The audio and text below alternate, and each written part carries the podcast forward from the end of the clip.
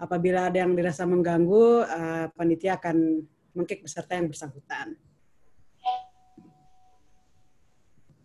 Baik, uh, peserta Zoom yang saya hormati, pemikiran Islam modern dimulai dari adanya tafsir kritis dari para pemikir Islam akan implementasi tauhid yang direlasikan dengan dinamika kehidupan, perubahan sosial dan politik Timur Tengah pada akhir abad 19. Suatu narasi besar pemikiran Islam modern itu mulai berpusat pada keadilan, demokrasi, persamaan dan kesetaraan gender dan hak-hak asasi manusia. Nah, salah satu aspek HAM ini adalah isu lingkungan hidup yang akan kita bahas uh, karena dalam arus globalisasi kita mengharuskan setiap pihak memikirkan alam semesta sebagai bagian dari iman itu sendiri. Terlebih pada saat pandemi COVID-19 ini kita dihadapkan pada banyak tantangan dan perkembangan untuk terus merawat alam yang kita cintai. Dan dalam buku ini bagi saya sebagai pengkaji pemikiran Islam modern menjadi buku referensi studi yang amat penting dan untuk saya pribadi Profesor Dr. Siti Musdamulia ini setara seperti Clive Staples Lewis ketika menuliskan Mere Christianity sebab melalui buku ini Prof Siti Musdamulia mengembalikan makna tauhid dan makna berislam itu sendiri. Di dalam buku ini Prof Musda juga beberapa kali mengutip pemikiran Sheikh Muhammad Abduh dan Paulo Freire dan untuk membahas buku ini secara lebih mendalam, terutama mengkaitkannya dengan isu lingkungan hidup, nah di tengah-tengah kita sudah hadir tiga narasumber yang luar biasa keren. Ini ada Ibu Henning Parlan, Ibu selamat datang. Ini uh, bisa nanti membahas tentang isu lingkungan hidup itu sendiri dan kemudian Ustadz Ahdofir Zuhri, selamat datang Pak. Dan tentu saja Prof. Profesor Dr. Siti Musdah Mulia. Untuk masing-masing paparan narasumber sekitar 15 menit Nah, nanti mohon izin saya akan bantu mengingatkan. Dan untuk paparan pertama adalah Ibu Henning Parlan. Sebelum memulai paparan, izinkan saya membacakan uh, biografi singkat beliau. Ibu Henning Parlan memiliki gelar master degree dari Universitas Tarumanegara dan sarjana sosiologi FISIP Universitas 11 Maret. Penghargaan yang diraih adalah Mary Fran Mears Award tahun 2010 dan Inspiring Eminent Person Reksa Utama Aninda for Disaster Reduction for, from Community. Kegiatan saat ini adalah beliau manajer stakeholder engagement di Palladium International Indonesia. Berbagai publikasi, karya ilmiah, dan kiprahnya juga sangat berdampak kepada masyarakat, terutama dalam hal isu-isu lingkungan hidup, manajemen resiko bencana, dan isu-isu kemanusiaan. Ya, untuk berikutnya Uh, silahkan Ibu Henning Parlan waktu, waktu dan tempat saya persilahkan 15 menit Ibu. Menit, oke, okay. uh, saya coba uh, on time. Bismillahirrahmanirrahim. Assalamualaikum warahmatullahi wabarakatuh. Uh, Waalaikumsalam warahmatullahi wabarakatuh. Terima kasih sekali saya diundang dalam kegiatan ini dan uh, saya excited uh, karena bisa membaca bukunya Prof. Musdah Mulia Uh, salam kenal Profesor. Uh, nama terima saya. kasih, ini. terima kasih. Ya, uh, ini saya kayak jadi beruntung. Uh, minggu lalu saya dengan Rektor UIN uh, dan hari ini saya dengan Ibu. Jadi rasanya saya beberapa kali ini lagi dengan para profesor perempuan dan tiba-tiba menginspirasi saya. Wah, memang harus sekolah lebih dalam lagi. Kalau yang lain belajar agamanya, biar saya belajar lingkungannya, begitu. Uh, pertama, uh, saya berterima kasih telah menerima buku ini, buku yang uh, lumayan tebal. Saya harus nyicil uh, setiap pagi membacanya karena lebih dari 800 halaman. Dan uh, seperti yang disampaikan bahwa saya akan bicara dari perspektif lingkungan. Uh, yang pertama ingin saya katakan adalah pada saat saya membuka awal uh, buku ini, uh, Profesor dan teman-teman, uh, di awal saya langsung merinding karena yang dikemukakan adalah soal tauhid yaitu di mana bahwa sebagai seorang umat maka kita semua sebenarnya bertauhid dan dalam tauhid yang sungguh adalah tauhid yang kita bisa mengimplementasikan dalam kegiatan-kegiatan yang bukan hanya ritual tetapi juga kegiatan-kegiatan sosial. Nah, eh, kemudian saya membaca chapter demi chapter, ada 17 chapter yang eh, Profesor Musdah Mulia sampaikan di dalamnya dan di bagian-bagian depan kita akan melihat betapa ini sudah dijelaskan dengan sangat jelas dan gamblang tentang uh, kita sebagai umat khilafatul fil art. Uh, kita sebagai uh, umat untuk uh, menjadi khalifah di bumi. Kita adalah sebagai makhluk tertinggi. Nah, sebagai makhluk tertinggi uh, dan kaitannya dengan alam, maka banyak sekali ayat-ayat uh, dalam Al-Quran yang dan juga hadis yang mengisyaratkan kita semua untuk uh, menjaganya, karena kerusakan itu bukan dari perbuatan siapa-siapa, kerusakan adalah karena perbuatan manusia. Balik kepada buku ini, maka dalam chapter yang awal, dalam secara keseluruhan, saya menangkap begini. Prof, saya nggak tahu apakah ini sengaja apa tidak, tetapi Profesor menuangkan ini dalam 17 bab, uh, menuangkan ini sesuai dengan jumlah uh, rokaat kita uh, sholat. Jadi saya langsung tergerak bahwa Oke, okay, eh, rupanya Profesor menuliskan ini dengan menggerakkan bahwa manusia pada saat kita melakukan ibadah sholat, maka harus diikuti dengan ibadah-ibadah lain. Dan dalam uh, hati saya, uh, ketika membaca ini, maka itu harus terrefleksikan dalam kegiatan sosial. Nah, kegiatan sosial seperti apakah yang kemudian ingin saya uh, sampaikan? kegiatan sosial yang ingin sampaikan adalah bagaimana kita menjadi makhluk uh, tertinggi di bumi itu turut serta dan bahkan bertanggung jawab terhadap bumi dan seisinya. Nah, dalam bab yang awal, yang pertama, saya membaca tentang bukunya profesor, yaitu tentang pendidikan yang memanusiakan manusia. Di sini sangat jelas bahwa di dalam uh, profesor jelaskan uh, pendidikan yang memanusiakan manusia. Di sini uh, secara tertulis semuanya terlihat. Yang saya ingin katakan adalah pada saat kita memanusiakan manusia, maka di situ kita harus bisa memanusiakan alam. Karena manusia dan alam adalah dua kaitan yang tidak bisa dipisahkan. Merefleksikan dari situasi pandemi saat ini adalah bahwa sesuatu yang terjadi pandemi saat ini sesungguhnya adalah bagian dari climate crisis, dari krisis ekologi krisis ekologi yang sebenarnya eh, banyak yang tidak dirasakan adalah misalnya zaman dahulu kala betapa kita nggak usah jauh-jauh mencari contoh eh, di luar, tetapi kita mencari contoh di negeri kita sendiri. Eh, ketika kita hutan kita itu mengalami proses deforestasi yang sangat besar, dalam satu menit itu kita bisa satu kali lapangan bola apa namanya kerusakannya dan itu terus-menerus kalau sudah bertahun-tahun bisa dilihat berapa jumlahnya. Kemudian eh, faktor yang lain adalah data di penanggulangan Badan Penanggulangan Bencana Nasional BNPB itu menunjukkan bahwa 95% dari bencana yang terjadi di Indonesia disebabkan oleh climate change. Nah, dari perubahan iklim bisa dibayangkan bahwa 95% lebih dari uh, data itu adalah data yang disebabkan oleh perubahan iklim. Perubahan iklim itu adalah mulai dari banjir, uh, tanah longsor, uh, kemudian cuaca. Nah, ini semua sampah. Nah, ini disebabkan oleh tingkah laku manusia. Kalau bencana-bencana yang alam, misalnya gempa bumi, tsunami, itu kita tidak bisa mengatakan bahwa itu berhubungan langsung dengan manusia. Namun, kalau bencana-bencana ini adalah dihubungkan dengan uh, bencana karena uh, uh, karena apa namanya faktor-faktor alam maka geologi uh, uh, faktor yang karena situasi alam seperti uh, data di BNPB tadi itu menunjukkan bahwa kerusakan ini disebabkan oleh manusia. Nah, kembali lagi pada yang uh, Profesor sampaikan. Yang pertama adalah pendidikan untuk memanusiakan manusia.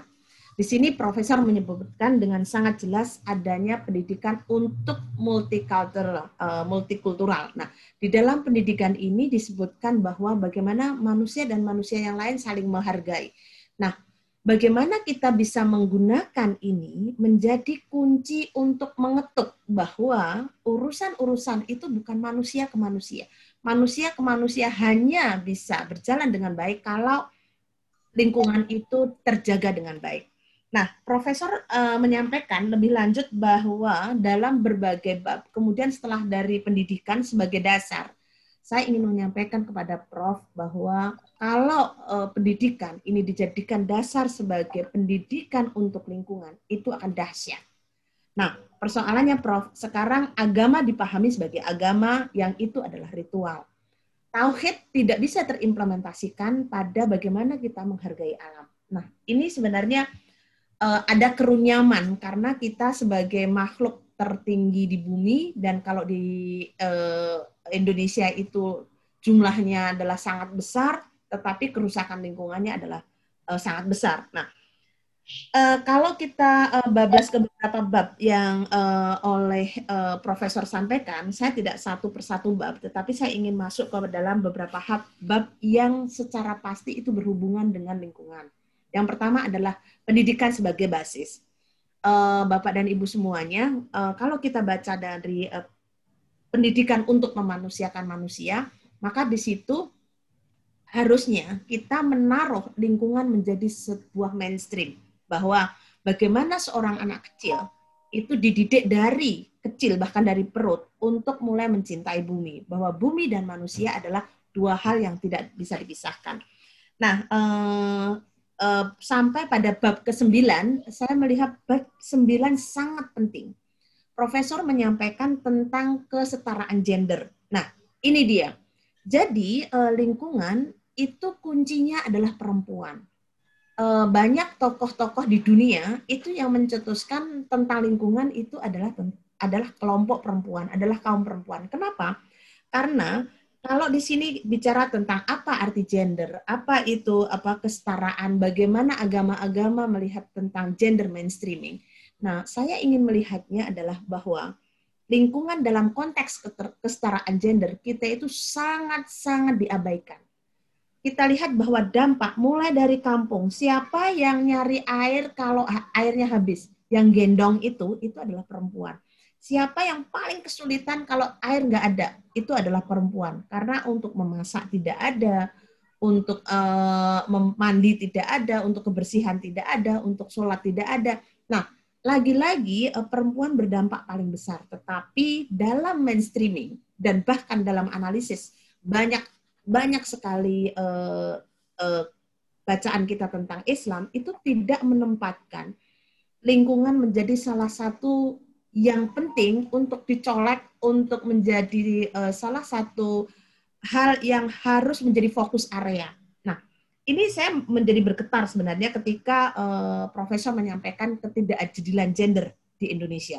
Nah, ini profesor menyebutkan semua hal dan kalau saya tambahkan tentang ketidakadilan gender yang ada di Indonesia tentang lingkungan itu jauh lebih dahsyat.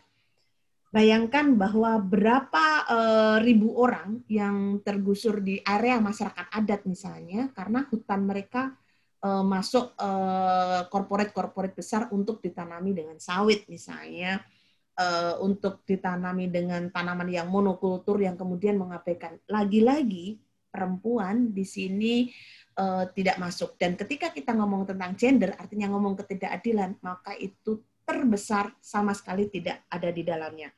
Nah, kemudian ketika kita masuk ke bab berikutnya tentang bab 10, tentang membangun uh, kekuasaan ramah lingkungan. Saya sangat tertarik, saya membayangkan sebelum membaca ini, itu adalah membayangkan tentang bagaimana orang yang ada di DPRD, orang yang ada di DPR, dan lain sebagainya tentang bagaimana uh, mereka punya kuasa dalam tanda petik untuk membuat regulasi. Nah, uh, jelas bahwa di dalam hal banyak hal maka uh, apa namanya dipolitisasi urusan perempuan sangat besar. Saya kasih data bahwa uh, jumlah uh, senior people di Indonesia itu sangat besar. Tetapi yang menjadi fokus area adalah hanya kelompok milenial. Kemudian kalau kita lekatkan dengan bagaimana perspektif perempuan, kelompok perempuan yang paling berdampak tadi adalah senior people dan anak-anak menjadi kelompok rentan, dan itu hanya menjadi target saat kampanye. Jadi yang Bunda tuliskan tentang kebijakan depolitas, depolitisasi tentang perempuan itu adalah benar adanya. Dan sungguh prihatin buat kita bahwa e, ternyata lagi-lagi isu ini tidak menarik. Nah, mungkin saya justru sangat khawatir ya maaf ambil uang itu uh, sangat khawatir bahwa hal ini uh, kalau tidak diperhatikan kita sudah kolaps baru kita merasa sadar uh, tentang situasi lingkungan kembali sedikit lagi uh, waktunya uh, tolong diingatkan mbak kalau masih tinggal dua menit tiga menit tentang agen ekonomi nah agen ekonomi, uh, saya membaca tentang persoalan kultural, persoalan struktural dan intervensi intervensi uh, ajaran agama. Uh, ternyata kita melihat bahwa uh, Bunda ekonomi, Profesor, saya, saya nyebutnya Bunda maaf uh, Profesor. Apa? Nggak apa-apa. Semua ekonomi ini sebenarnya menjadi nggak gini. Jadi ketika faktor ekonomi itu dikedepankan, lingkungan itu seakan-akan menjadi sesuatu yang diabaikan saja.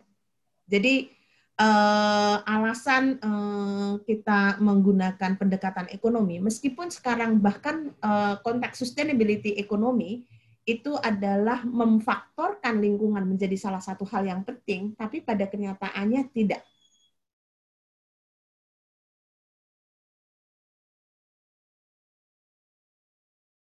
masih belum dan saya membutuhkan Bapak Ibu yang ada di sini untuk mampu bergerak.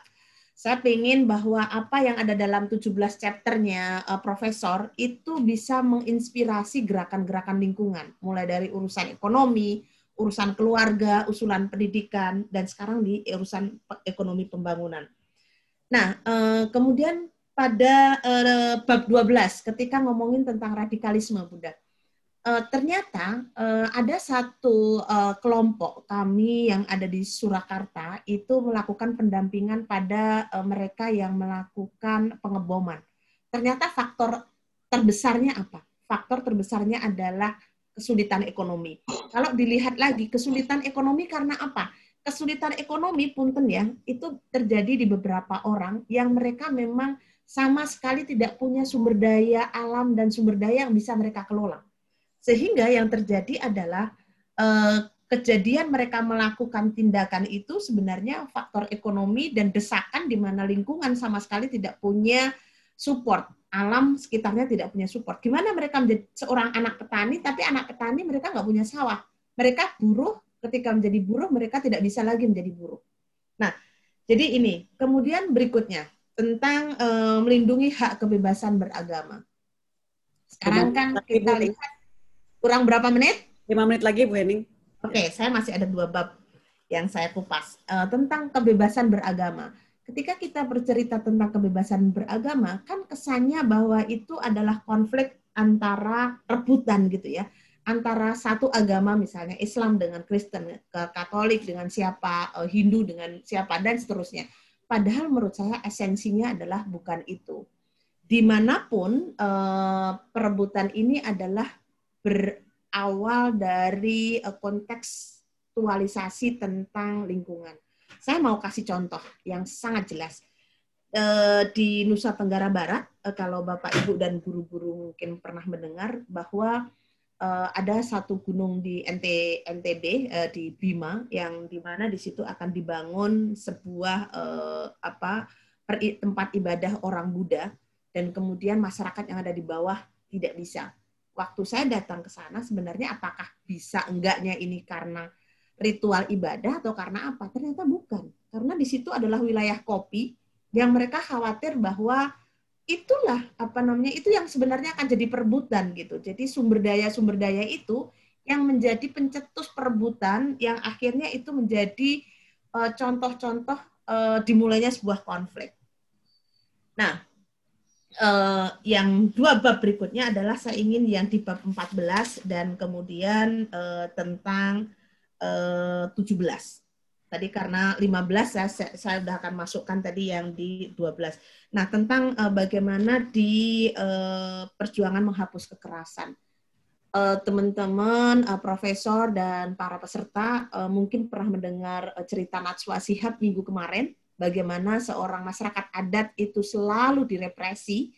Uh, jadi kalau dia mempertahankan alamnya, itu yang terjadi adalah proses kekerasan. Nah, ini adalah ranah domestik yang di Bunda ceritakan, di Profesor ceritakan itu adalah makna kekerasan terhadap perempuan di wilayah domestik. Tapi sebenarnya ini adalah kontekstualisasi wilayah kekerasan dalam negara. Jadi negara melakukan represi terhadap masyarakat pada saat masyarakat ingin mempertahankan sumber daya alamnya. Nah, eh, dua poin yang terakhir, Mbak. Hmm, jadi saya setuju dengan berjihad merajut perdamaian dan kemudian eh, dakwah transformatif. uh, profesor yang kami cintai, saya merinding membaca merajut perdamaian karena saya lama bekerja untuk isu pengurangan resiko atau bencana lebih dari 10 tahun dan jadi orang yang kekurangan uh, itu memang konfliknya menjadi lebih kuat. Jadi kalau kalau kita baca hampir semua riset uh, itu konflik terjadi, itu memang ujung-ujungnya adalah sumber daya alam uh, karena kekurangan karena konflik. Uh, nah, di sini uh, saya ingin mengajak uh, teman-teman bahwa hal yang terberat kalau uh, profesor menyampaikan dalam bab uh, salah satu uh, babnya adalah peran perempuan dan itu adalah benar bahwa hal yang terberat dalam uh, merajut perdamaian itu adalah peran tentang perempuan. Nah, kaitannya dengan ini maka uh, sebuah proses transformasi dakwah itu wajib buat kita.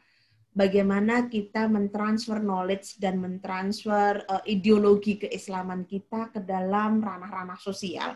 Dan ranah-ranah sosial itu banyak sekali maka mari kita berbagi tugas tapi jangan lupa ketika kita berbagi tugas untuk saling silang saling silang itu ketika seorang pendidik maka nitip lingkungan tolong menjadi salah satu uh, pelajaran. Ketika menjadi seorang ustazah, maka nitip uh, lingkungan menjadi sebuah uh, apa namanya uh, catatan penting.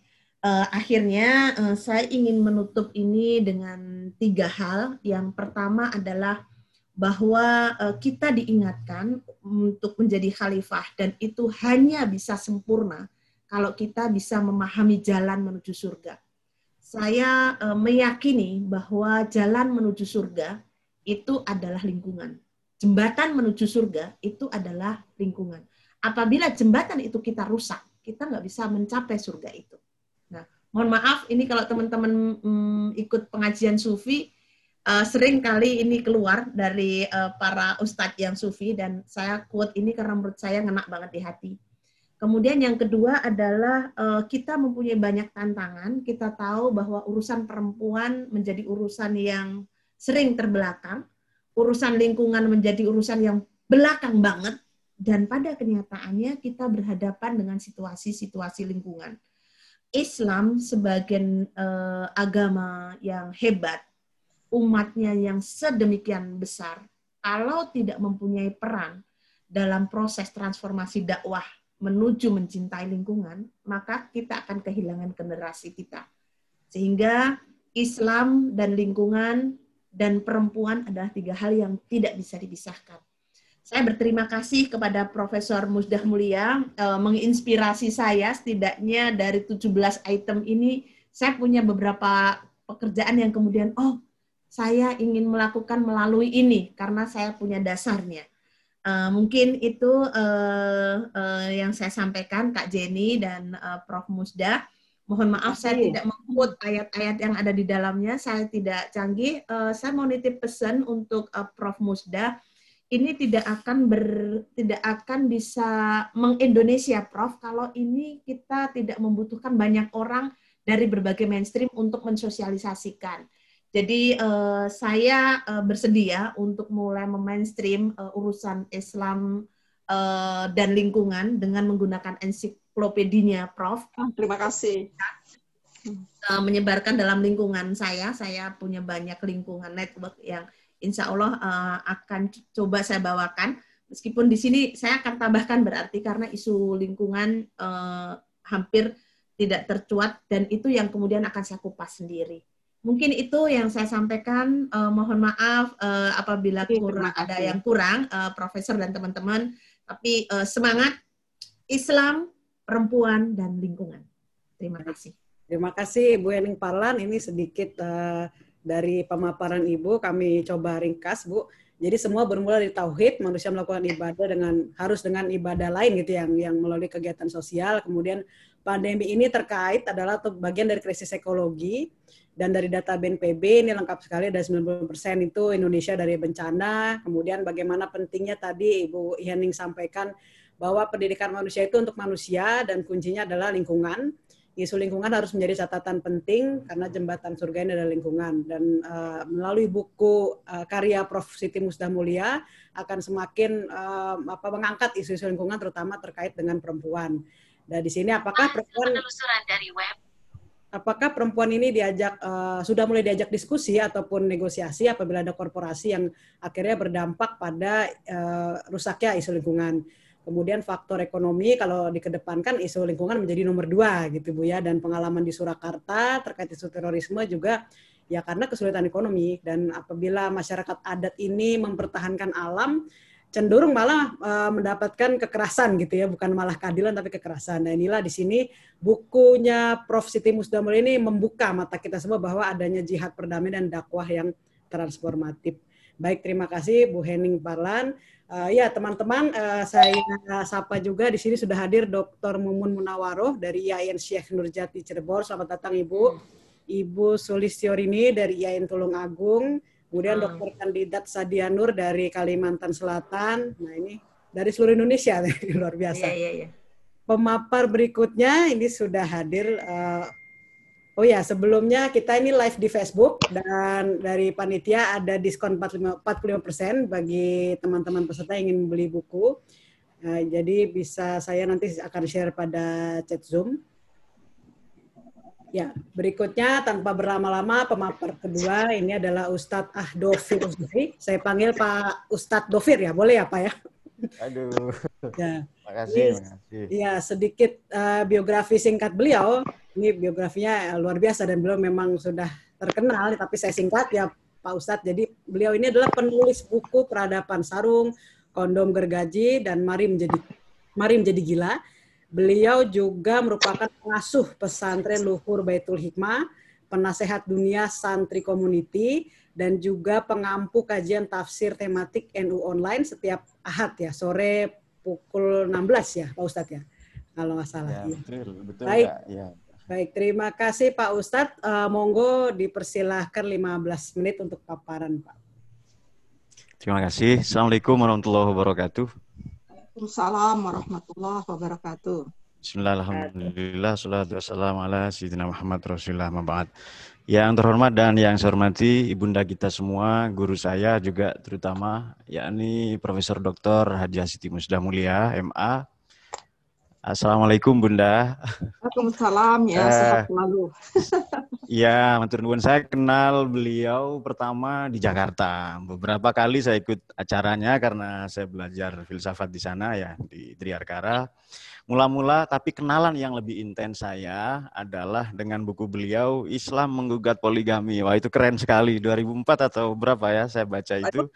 Lalu perempuan dan politik, lalu muslimah reformis ya dan banyak lagi sampai akhirnya datang kira-kira dua atau tiga minggu yang lalu ensiklopedia ini.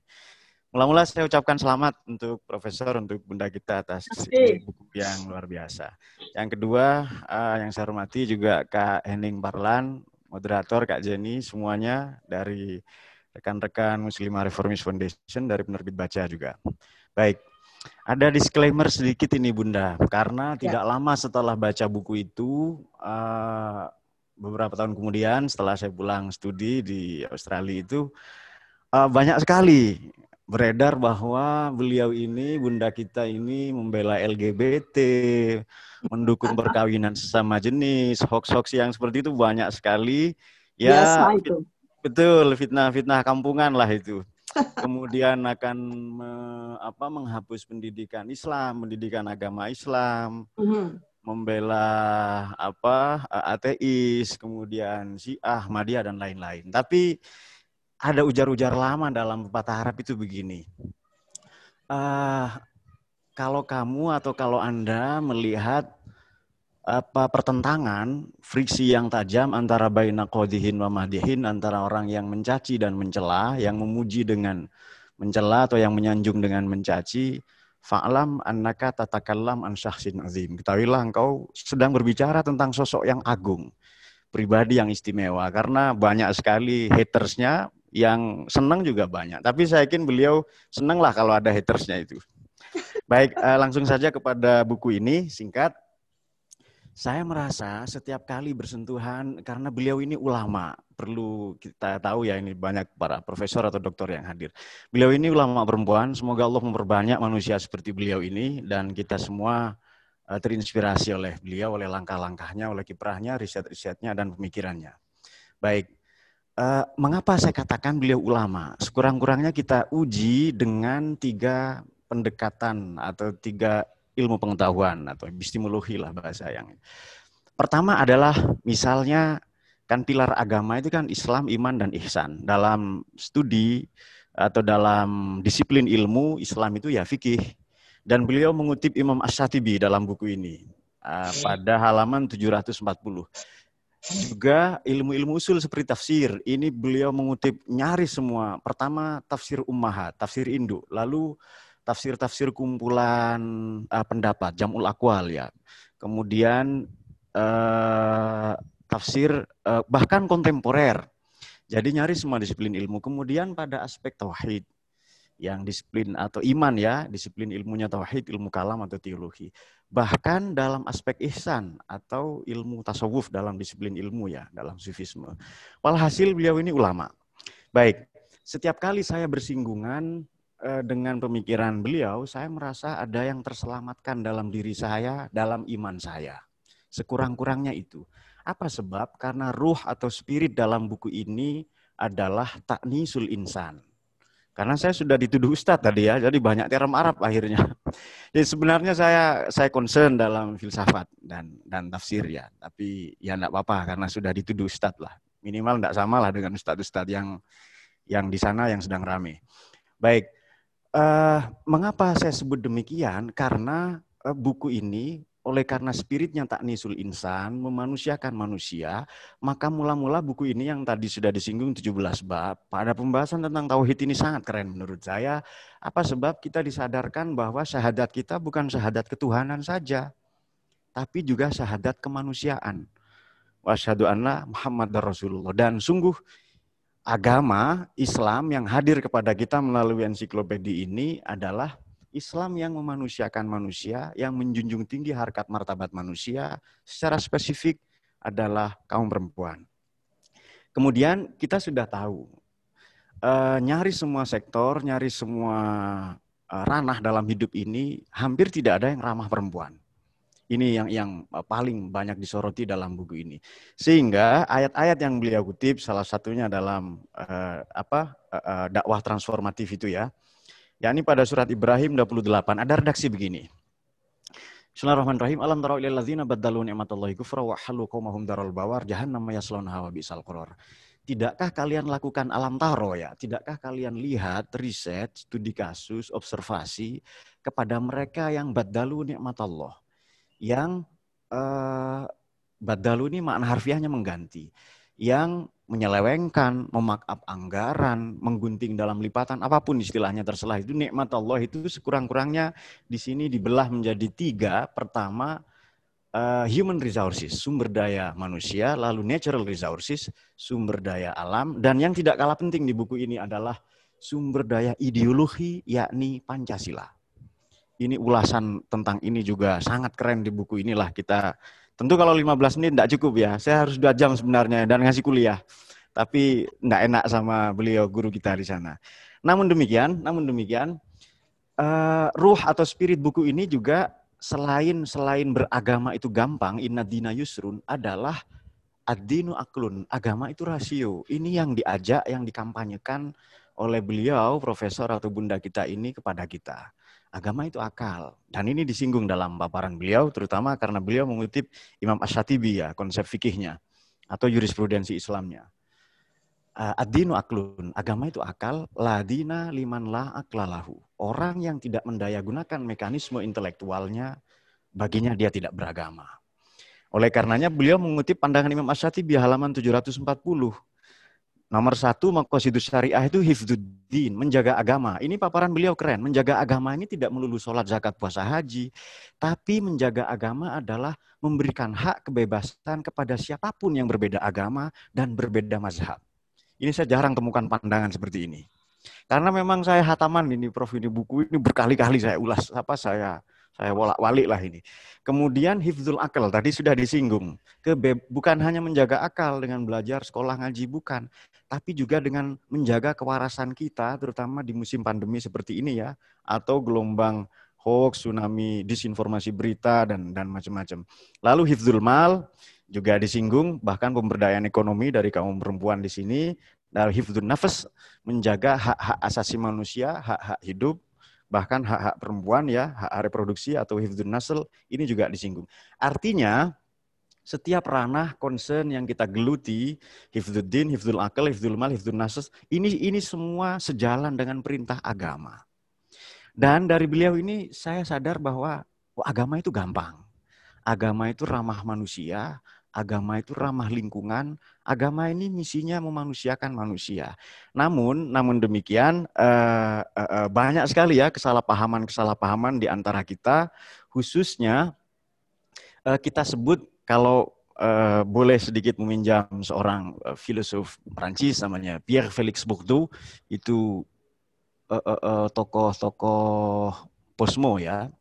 Beliau sebutkan bahwa kapital ini nyari semua dikuasai lelaki. Ini disoroti oleh beliau.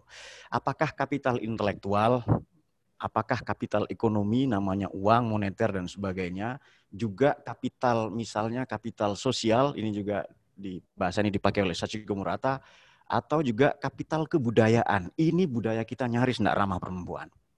Padahal spirit Islam. Jadi sebenarnya buku ini, ensiklopedia muslimah reformis ini mengajak kita belajar Islam sebagaimana disampaikan Nabi. Bukan oleh oknum-oknum yang tidak bertanggung jawab. Kaum tekstualis atau skriptualis. Saya kira kalau para apa kaum tekstualis atau skriptualis membaca ini Eh, sedikit sadarlah mereka bahwa Islam itu karena beliau membedakan di sini agama dengan keagamaan itu sama sekali berbeda. Tuhan dengan ketuhanan, kemudian eh, Islam dengan keislaman. Apa yang kita pelajari sebagai Islam boleh jadi itu tafsir. Maka beliau memaparkan satu tafsir yang feminis humanis ya, maaf humanis feminis eh, pada pada salah satu babnya. Juga buku ini menyinggung hak-hak anak. Nah, namun demikian, namun demikian, satu hal ya sebelum sebelum saya sudahi karena keterbatasan waktu, oleh karena spirit buku ini adalah beragama itu mudah, beragama itu akal, bahkan prasyarat untuk menjalankan agama itu adalah adalah akil, eh, mendayagunakan intellectual mechanism apa mekanisme intelektual oleh karena itu siapa pun yang tidak mendayagunakan akalnya ia tidak layak disebut beragama meskipun dia sudah berhamburan ayat-ayat suci atau hadis Nabi dan lain-lain. Nah, saya kembali ke pernyataan saya di awal. Membaca buku ini atau setiap kali bersentuhan dengan kajian-kajian atau ulasan-ulasan atau buku dari uh, bunda kita atau Profesor sudah mulia ini, sekurang-kurangnya ada yang terselamatkan dalam diri saya. Nomor satu, iman saya. Apa itu iman yang sempit?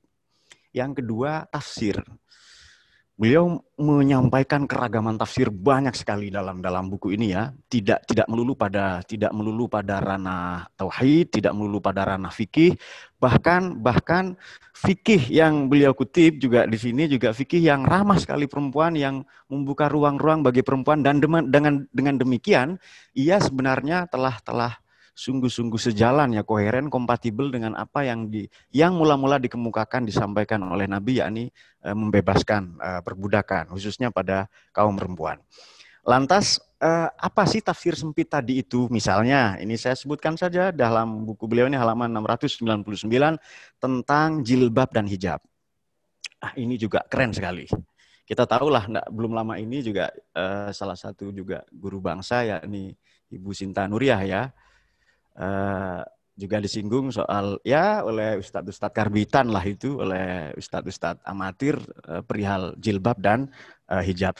Beliau menyebutkan di sini bahwa menutup aurat itu wajib dalam dalam buku ini ya. Tetapi batasan aurat itu di mana masih sangat diperdebatkan adalah sangat keliru, ini paparan beliau dalam buku ini, kalau kita memaksakan satu tafsir, satu pandangan, satu pendapat, yang lantas itu mengarah pada pemutlakan pendapat untuk kemudian mempersetankan tafsir yang lain, pendapat yang lain.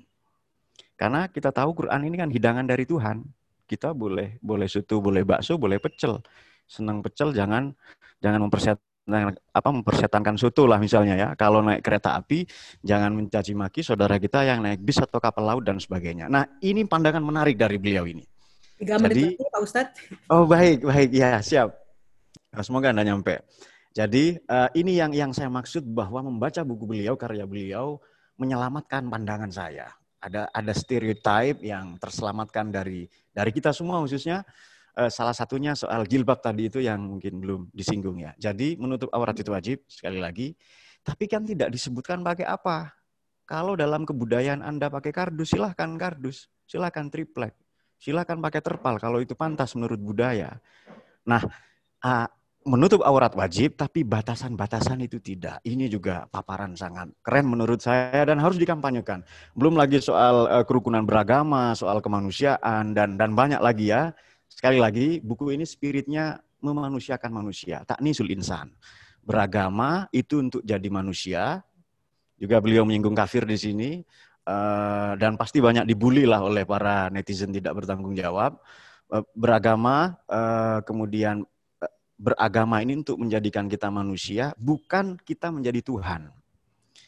Kalau suatu ketika kita membela agama, jangan lupa kita manusia. Ini pesan beliau. Kita tidak punya hak untuk mengkafir syirikan, membid'ahkan siapa pun yang berbeda pandangan dengan kita. Apa sebab? Ya kita ini dihasrati berbeda kok oleh Tuhan. Ayatnya juga disinggung oleh beliau ini. Kita dihasrati berbeda, mari kita rayakan perbedaan ini. Dan sekali lagi, Mantur Nuwun ini atas banyak pencerahan dari buku Ensiklopedia Muslimah Reformis. Saya tahniah. Saya ucapkan selamat atas terbitnya buku ini dan terima kasih saya kembalikan kepada Kak Jenny, ke moderator. Assalamualaikum warahmatullahi wabarakatuh. Waalaikumsalam warahmatullahi wabarakatuh. Terima kasih Pak Ustadz Dovir. Ini mungkin beberapa ringkasan saja Pak Ustadz, mohon izin. Jadi uh, Prof. Musdamul ini adalah seorang ulama, kalau bagi saya pribadi ulama besar. Dan ruh spirit buku ini itu adalah memanusiakan manusia. Jadi ada pembahasan tauhid itu diimplementasikan dalam 17 bab yang tidak hanya membahas uh, mengenai hubungan manusia dengan Tuhannya, tapi juga bagaimana ada syahadat-syahadat kemanusiaan. Dan ini buku ini membanyak uh, bahas mengenai ketidakadilan, terutama terkait dengan uh, kaum perempuan, agama itu juga disebutkan oleh Pak Ustadz adalah akal, yaitu konsep pikir ini banyak dikutip juga dari situ. Orang yang mendaya gunakan mekanisme intelektual itu eh, apabila tidak diberikan dengan maksimal maka tidak bisa dibilang beragama juga. Nah ini menarik dan juga menjaga agama itu juga sejatinya memberikan hak kebebasan kepada semua orang yang berbeda mazhab. Kemudian mengutip pemikirannya Pierre Bourdieu bahwa kapital itu lebih banyak dikuasai oleh kaum laki-laki saat ini dan dalam bukunya Prof. Musda, fikih-fikih yang ada itu sejatinya membebaskan kaum perempuan. Inilah tantangan kita karena masih aja ada tafsir sempit gitu ya. Bahkan Prof. Prof. Musda ini sering difitnah, sering dibully gitu ya Prof ya. Dan namun karya Prof. Musda ini uh, menjawab tantangan-tantangan itu. Misalnya menutup aurat apakah wajib, dan kemudian uh, intinya adalah beragama itu untuk menjadi manusia. Beragama tidak menjadikan kita Tuhan, kita tidak punya hak mengkafirkan orang yang berbeda dan ada ayat-ayat pendukung bahwa kita ini memang berbeda dan marilah rayakan perbedaan itu. Terima kasih Pak Ustadz Dovir.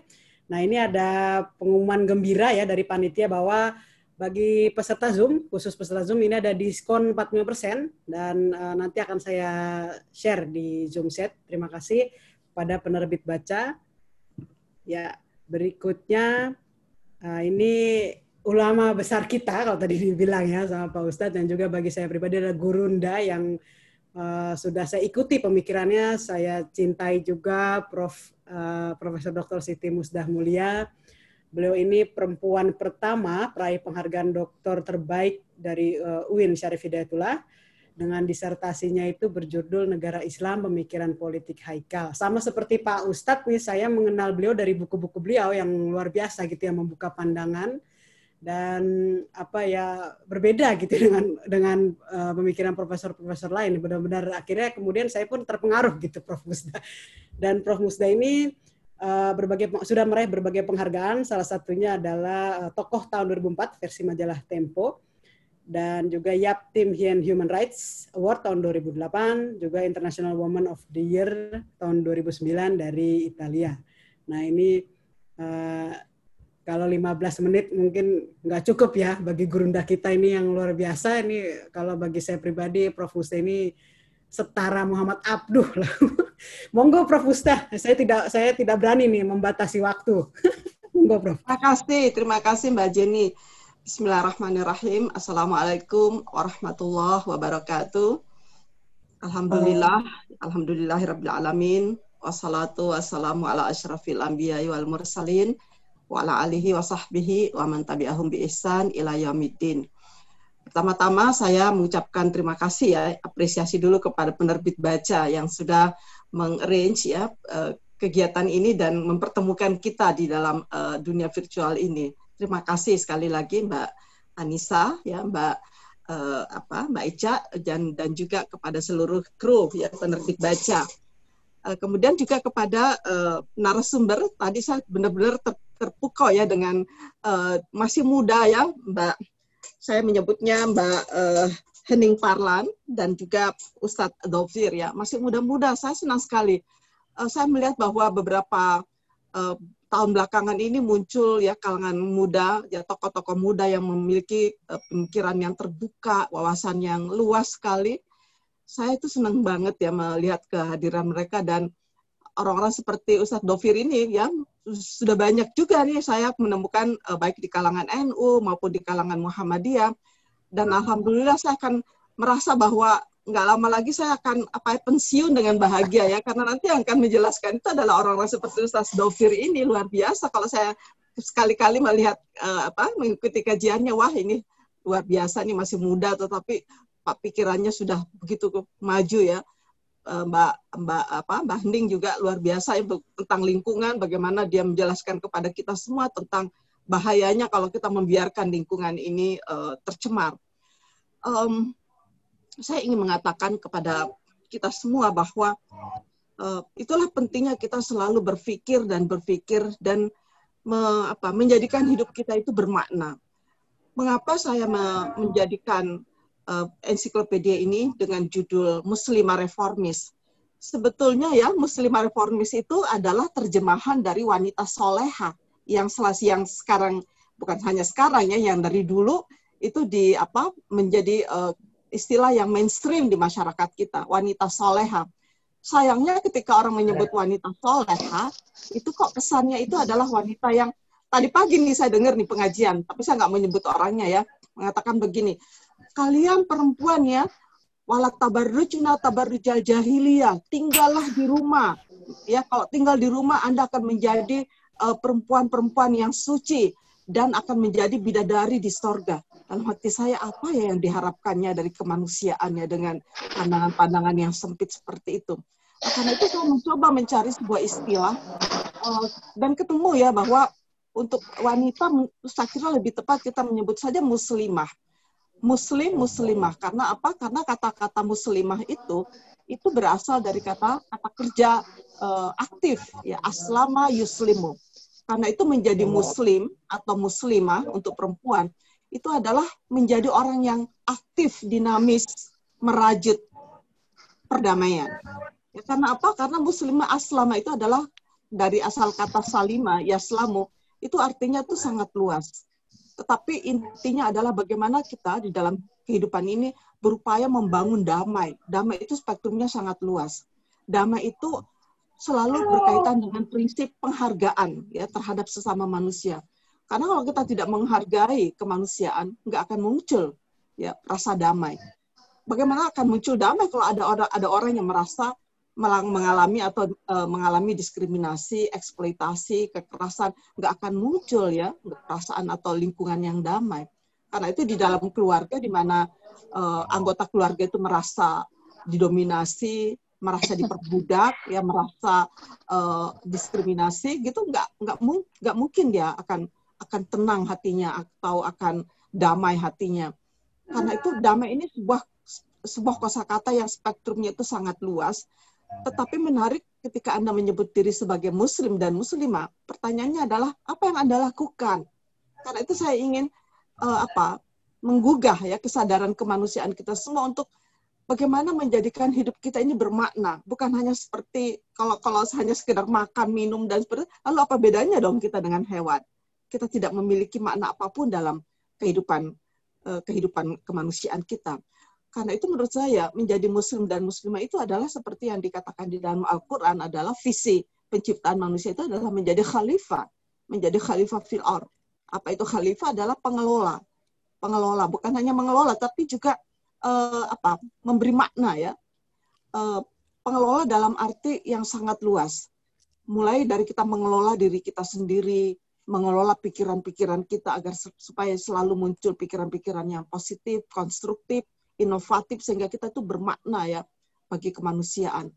Mengelola kalbu kita sehingga bagaimana kita memanage ya kalbu kita sehingga kalbu kita selalu dekat dengan Tuhan ya karena kalau kita dengan dengan Tuhan kita selalu akan melahirkan energi-energi positif yang bermakna bagi bukan hanya bagi kemanusiaan tapi juga bagi alam semesta kita pasti tidak akan melihat ada eksploitasi terhadap alam ya kita pasti tidak akan melihat uh, sebuah daerah itu di apa dieksploitasi sedemikian rupa untuk kepentingan-kepentingan investor atau kepentingan-kepentingan segelintir orang. Pasti kita akan marah dan uh, apa menggugat ya. Juga bagaimana kita memanage syahwat kita. Syahwat itu luas sekali maknanya. Ada syahwat kekuasaan ada syahwat yang berkaitan dengan seksualitas. Ya karena itu saya pikir menjadi muslim atau muslimah itu penting sekali. Kenapa saya memilih muslimah adalah karena setengah dari makhluk yang diciptakan Tuhan itu adalah perempuan dan perempuan itu harus berdaya untuk supaya dia mampu menyam, me, apa, me, me, apa, mengaktualisasikan potensi-potensi yang ada di, di dalam dirinya. Karena yang selama ini yang saya lihat adalah bahwa manusia itu hanya dijejali dengan apa ya dengan uh, dengan pikiran-pikiran yang tidak me, tidak mengaktualkan ya kemanusiaannya. Karena itu saya perhatikan ya kalau di dalam ceramah-ceramah keagamaan atau di dalam uh, apa materi-materi pendidikan kita itu kok benar-benar ya tidak me, tidak me, apa tidak membangun ya potensi diri manusia, tidak memerdekakan supaya kamu tuh betul-betul meyakinkan atau membuat manusia itu sadar bahwa sebagai manusia kamu itu merdeka, otonom, kamu beragama pun juga kita punya pilihan loh, bukan karena terpaksa. Jangan kita beragama itu karena KTP atau karena keturunan. No, Anda beragama itu karena sadar bahwa inilah agama yang benar yang mengantarkan saya untuk mampu me, apa, me, apa, me, menghayati apa makna dari agama itu sendiri. Nah, karena itu di dalam di dalam apa di dalam uh, ensiklopedia ini karena ini sudah edisi kedua ya. Edisi kedua ini terdiri terdiri dari 17 bab dan menarik sekali uh, Mbak Henning tadi sudah menyampaikan kenapa saya memilih 17 bab. Saya kira itu uh, bukan karena saya mem, apa, uh, me, apa, memikirkan bahwa harus ada 17 rakaat dalam salat kita sehari semalam. Saya kira tidak, karena sebelumnya itu baru 16. Ini karena tuntutan ya, tuntutan dari pembaca. Pembaca mengatakan, kok nggak ada bicara tentang ekonomi? Lalu saya pikir, oh iya betul juga sih, karena persoalan-persoalan ekonomi itu juga membawa persoalan-persoalan yang sangat apa ya sangat uh, memprihatinkan di dalam kehidupan masyarakat kita. Karena itu saya memilih menjelaskan tentang bagaimana nasib para perempuan ya para perempuan yang kebetulan berprofesi sebagai nelayan. Sekedar uh, singkat saja dalam dalam tulisan-tulisan itu saya mengatakan mungkin nggak ada nggak banyak kelompok yang begitu menderita seperti kelompok perempuan yang berprofesi sebagai nelayan. Bayangkan ya dia sudah berprofesi sebagai nelayan tetapi masyarakat bahkan negara itu tidak me, tidak mengakui dia sebagai nelayan. Dalam KTP-nya tetap aja ditulis ibu rumah tangga.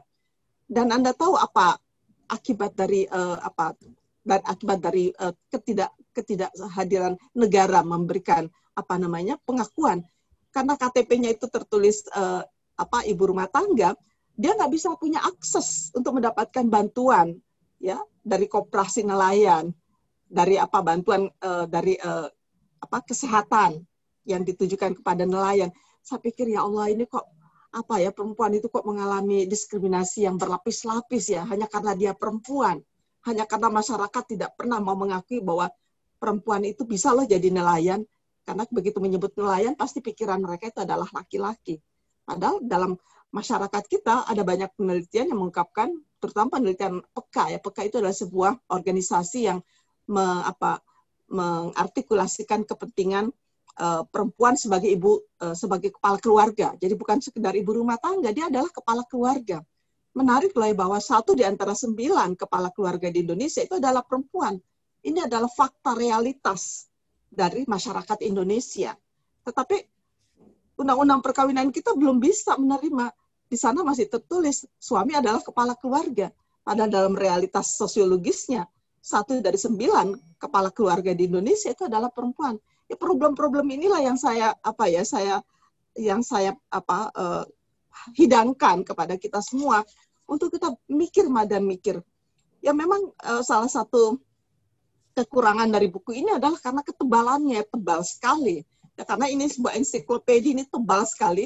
Orang mengatakan kalau dapat buku ini, Bu Musta itu buku itu buku bantal. Saya bilang iya memang bantal itu bantal ikro supaya kita betul-betul apa membaca dan membaca. Sengaja saya menghadirkan buku setebal ini di tengah-tengah masyarakat kita yang yang sudah nggak kepingin baca. Bacanya itu hanyalah status-status yang pendek-pendek yang menimbulkan kesalahpahaman. Orang nggak sekarang kalau diajak membaca itu nggak tertarik lagi. Nah, saya ingin apa ya me, melawan arus yang buat saya ini penting supaya kita tidak hancur ya, tidak tidak mengalami kehancuran peradaban anak-anak kita mesti diajak kembali untuk membaca dengan benar. Ikro. Ikro itu artinya bukan sekedar membaca sepintas loh, atau menghafal sepintas.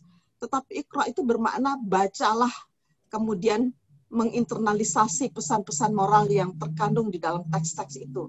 Dan untuk kemudian diimplementasikan dalam bentuk karya, ya dalam bentuk uh, apa? Dalam bentuk kesadaran, dalam bentuk uh, apa? Uh, dalam bentuk aktivitas-aktivitas nyata yang bermanfaat di, di masyarakat. Nah, inilah yang saya katakan dalam awal buku saya itu adalah bagaimana saya ingin menggugah kesadaran kita semua bahwa dalam Islam itu jelas sekali dikatakan sebagai manusia kamu diciptakan sebagai khalifah fil ard. Ya dalam konteks mencapai keredaan Allah sebagai hamba. Sebagai khalifah, tugas kita adalah amar ma'ruf nahi mungkar. Tapi sayangnya dalam masyarakat kita prinsip amar, amar ma'ruf nahi mungkar itu di makna itu begitu sempitnya. Amar ma'ruf nahi mungkar itu adalah ya akhirnya diimplementasikan seperti apa kalau saya melihat sekarang karena saya suka tersenyum sendiri ya dalam bentuk sweeping rumah-rumah makan ketika ketika apa ketika uh, Ramadan ya saya pikir aduh ini kok kacau balau begini ya apa yang dimaksud dengan amar ma'ruf ya dalam pengertian saya itu adalah upaya-upaya transformasi karena itu setiap kita laki dan perempuan adalah bagaimana kita melakukan upaya-upaya yang transformatif setiap hari. Apa itu transformasi? Upaya-upaya meningkatkan kualitas diri kita. Melalui banyak cara, melalui upaya-upaya edukasi, upaya-upaya advokasi, membangun skill, ya inovasi dan sebagainya. Karena itu bagaimana kita sepanjang tarikan nafas kita, sepanjang umur kita, itu harus bermakna ya. Jadi kalau menjelang tidur itu saya selalu melakukan muhasabah, refleksi diri atau semacam uh, apa? semacam uh, apa? Uh, memikirkan kembali apa yang saya sudah lakukan untuk kepentingan diri saya, untuk kepentingan keluarga, dan untuk kepentingan masyarakat. Upaya-upaya transformasi itu adalah upaya meningkatkan kualitas diri, terutama kualitas spiritualitas kita. Apakah spiritualitas kita itu hanya sekedar kita melakukan sholat, hanya melakukan puasa, bukan berarti saya tidak melakukannya ya. Tetapi saya ingin menantang Anda semua setelah sholat, Anda ngapain kira-kira seperti itu. Karena bagi saya, sholat saja itu tidak selesai. Karena di dalam Quran sendiri dikatakan, Inna sholata tanha anil fasya wal munkar. Bahwa sholat ya, bahwa sholat itu seharusnya ya seharusnya mencegah kamu dari melakukan hal-hal yang tidak terpuji, dari melakukan hal-hal yang merusak. Karena itu kalau kamu sholat, pastikan bahwa tidak ada pengrusakan alam. Anda tidak melakukan, tidak buang sampah sembarangan. Pastikan setelah Anda sholat, pasti Anda tidak lagi tertarik untuk menggunakan produk-produk plastik yang mengganggu ya ke, ke apa ke kesehatan lingkungan. Anda lakukan nggak itu?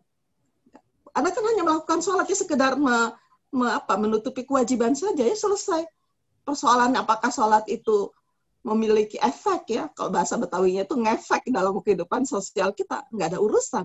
Nah inilah yang saya ingin kita ini sebagai umat yang beragama. Saya kira bukan hanya dalam Islam, dalam agama lain pun juga sama ya bahwa agama itu harus punya efek ya di dalam kehidupan kita sehari-hari. Karena kalau tidak untuk apa kita beragama?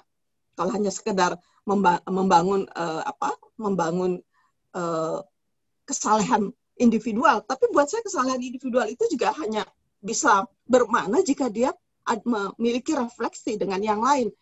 Karena kalau di dalam kehidupan nyata, amar ma'ruf itu adalah bagaimana kita meningkatkan kualitas diri kita, kualitas spiritualitas kita sehingga kalau masih misalnya laki-laki yang masih sering sering melakukan KDRT ya dengan banyak melakukan sholat ya pada akhirnya nanti dia akan meninggalkan perilaku perilaku uh, tidak terpuji itu.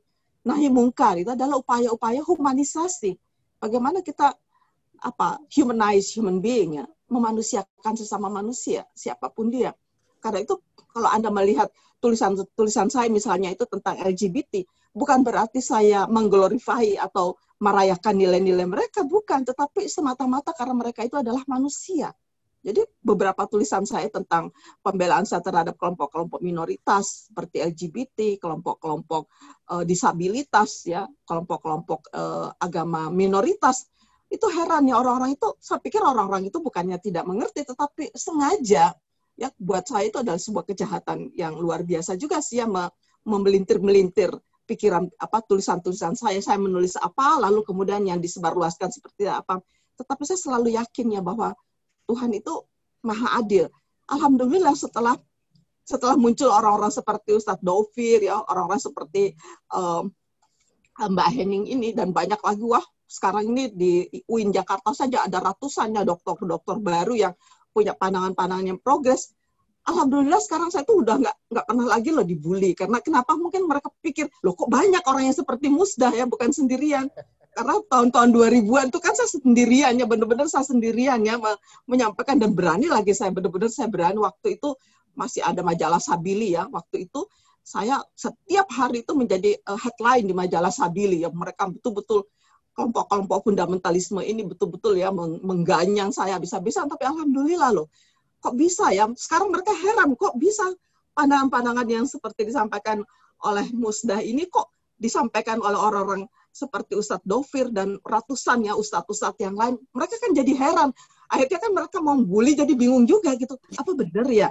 Ya karena karena keberanian itu sekarang sudah terbangun ya di masyarakat kita. Alhamdulillah sebetulnya apa ya ber, memuji apa muji syukur kehadirat Allah ya alhamdulillah betul ya bahwa pandangan-pandangan ini meskipun ya tidak se, belum belum sebanding artinya belum menjadi main, mainstream di masyarakat. Karena itu saya berpikir kalau masyarakat kita ini semakin waras, saya pikir pandangan-pandangan yang humanis dan pandangan-pandangan yang me, apa, memihak kepada kemanusiaan itu akan menjadi sebuah pandangan yang mainstream. Karena itu terlihat pada apa negara-negara atau bangsa-bangsa yang maju itu saya melihat bahwa pandangan-pandangan yang mengedepan dalam masyarakat maju itu adalah pandangan-pandangan yang betul-betul memanusiakan manusia. Karena itu apa yang saya ingin sampaikan di dalam uh, ensiklopedia ini adalah bagaimana kita beragama secara hakiki. Sebagai manusia kita adalah khalifah. Menjadi khalifah itu bukan berarti Anda diam saja. Anda harus melakukan sesuatu. Ya. Beragama itu harus punya efek ya dalam kehidupan nyata, dalam kehidupan sosial kita. Karena itu sholat kita, puasa kita, haji kita, umroh kita, ya itu harus punya efek dalam kehidupan sosial. Tanha nih fasya wal mungkar dan semua agama apa ibadah-ibadah yang lain juga sama ya. Karena itu mari kita memanfaatkan hidup kita ini untuk kerja-kerja kemanusiaan yang dalam Al-Qur'an dikatakan amar ma'ruf nahi mungkar ya. Amar ma'ruf nahi mungkar itu harus dimulai dari diri kita dulu. Jangan jangan lalu mendakwahkan kepada orang lain Anda belum melakukannya dengan benar. Jadi lakukan dulu dengan benar pada diri Anda lalu Anda melakukannya itu mendakwahkannya. Tapi juga ketika Anda mendakwahkannya, ingat ya bahwa di dalam berdakwah itu ada etikanya. Dalam Al-Quran itu luar biasa. Udu'u ila sabili rabbika bil hikmah. Ya, wal mau'izatil hasana. Wajadilhum bilatihi asan. Karena itu kalaupun Anda berdakwah, Anda nggak boleh maksakan.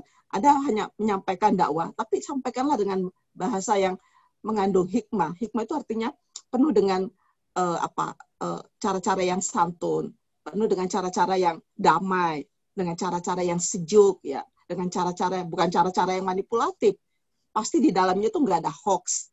Anda nggak boleh berdakwah dengan memanipulasi data, ya atau memanipulasi fakta atau menyampaikan hoax ya berita bohong dan sebagainya itu bertentangan dengan esensi dakwah itu sendiri. Nah, wal mauizatil hasanah dengan dengan nasihat-nasihat yang yang sejuk, yang yang indah ya, bukan dengan cara-cara yang kasar, apalagi membuli orang lain, ya mengata-ngatai memaki karena kan saya berpikir ya kok ada ya dakwah isinya itu maki-maki ya nah Yang ketiga itu kalaupun Anda harus berdebat, ya wajadilhum bilatihi ahsan, lakukan dengan cara yang lebih baik lagi, dengan cara yang menge mengedepankan kesantunan, penghargaan ya terhadap sesama manusia. Itulah sebabnya kenapa di akhir bab ini dalam ensiklopedia ini ada satu bab khusus. Saya benar-benar serius ya ingin menawarkan satu bab khusus itu kepada para dai dan dai ya. Bagaimana kita melakukan dakwah yang transformatif saya tuh selalu berpikir bahwa dakwah dakwah yang diberikan ke mes, di masjid-masjid atau di di mana di uh, pengajian-pengajian itu punya apa ya punya relasi dengan kondisi sosial di masyarakat kita gitu bisa nggak ya para dai dan daya itu dalam dalam khotbah Jum, Jumat ini ya melakukan semacam uh, need assessment kira-kira di masjid ini kondisi masyarakatnya atau kondisi jamaahnya itu butuh apa gitu kira-kira apakah dalam dalam lingkungannya itu kebanyakan masalahnya itu adalah masalah kesulitan air bersih seperti di daerah Tanjung Priok sana. Ya karena kalau saya jalan ke sana itu ya Allah orang beli air itu kok susah ya. Nah sekarang bagaimana nih kalau masyarakat kita yang uh, lingkungan uh, air bersihnya itu susah, kira-kira dakwah yang uh, memberikan solusi, bukan solutif ya, bukan film tilik. Jadi memberikan solusi ya kepada masyarakat. Jadi saya berharap bahwa dakwah yang disampaikan kepada kepada apa kepada jamaah itu itu memberikan uh, apa memberikan solusi dari atau menjawab atau merespon ya problem-problem kontemporer yang dihadapi oleh masyarakat itu sehingga betul-betul dakwah itu dapat memberikan apa uh, dorongan untuk melakukan transformasi ke arah masyarakat yang lebih baik, lebih baik dan lebih baik lagi.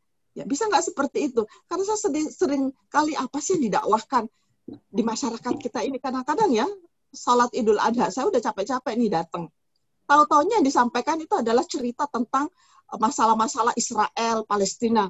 Loh, apa masalahnya? Itu kejauhan. Sementara di depan mata kita ini ada persoalan kemiskinan, persoalan lingkungan yang sampah ini diolahnya gimana nih? Aduh, setiap kabupaten bukan jangan kabupaten, setiap kelurahan aja nih persoalan sampah. Saya itu selalu apa ya, selalu mendatangi Pak Lurah, Pak RT ya, Pak RW, bagaimana mengelola sampah ini dengan benar nggak? Aduh, kadang-kadang itu baunya tuh udah sampai ke mana-mana, belum diangkat-angkat juga. Ini kan persoalan kita bersama. Bagaimana pandemi ini sungguh-sungguh datang menampar kita semua, nih kita semua yang mengaku diri orang yang beragama, bahwa kamu telah merusak ya alam semesta ini. Ada sesuatu yang salah yang kamu lakukan. Kamu beragama tapi kamu kok tidak mencintai alam kamu beragama tapi kok kamu tidak mencintai sesama. Itu ada yang salah kan dalam cara kita beragama. Nah, karena itu saya pikir dalam dakwah transformatif yang saya saya tawarkan ini saya mula-mula menjelaskan apa itu dakwah transformatif. Bagaimana seharusnya kita berdakwah. Bahkan dalam dalam uh, ada tulisan saya itu mengatakan bisa nggak ya di dalam sebuah majelis taklim kah atau di masjid itu di situ ada misalnya pusat donor darah. Ya sehingga orang kalau mencari darah itu jelas ke mana.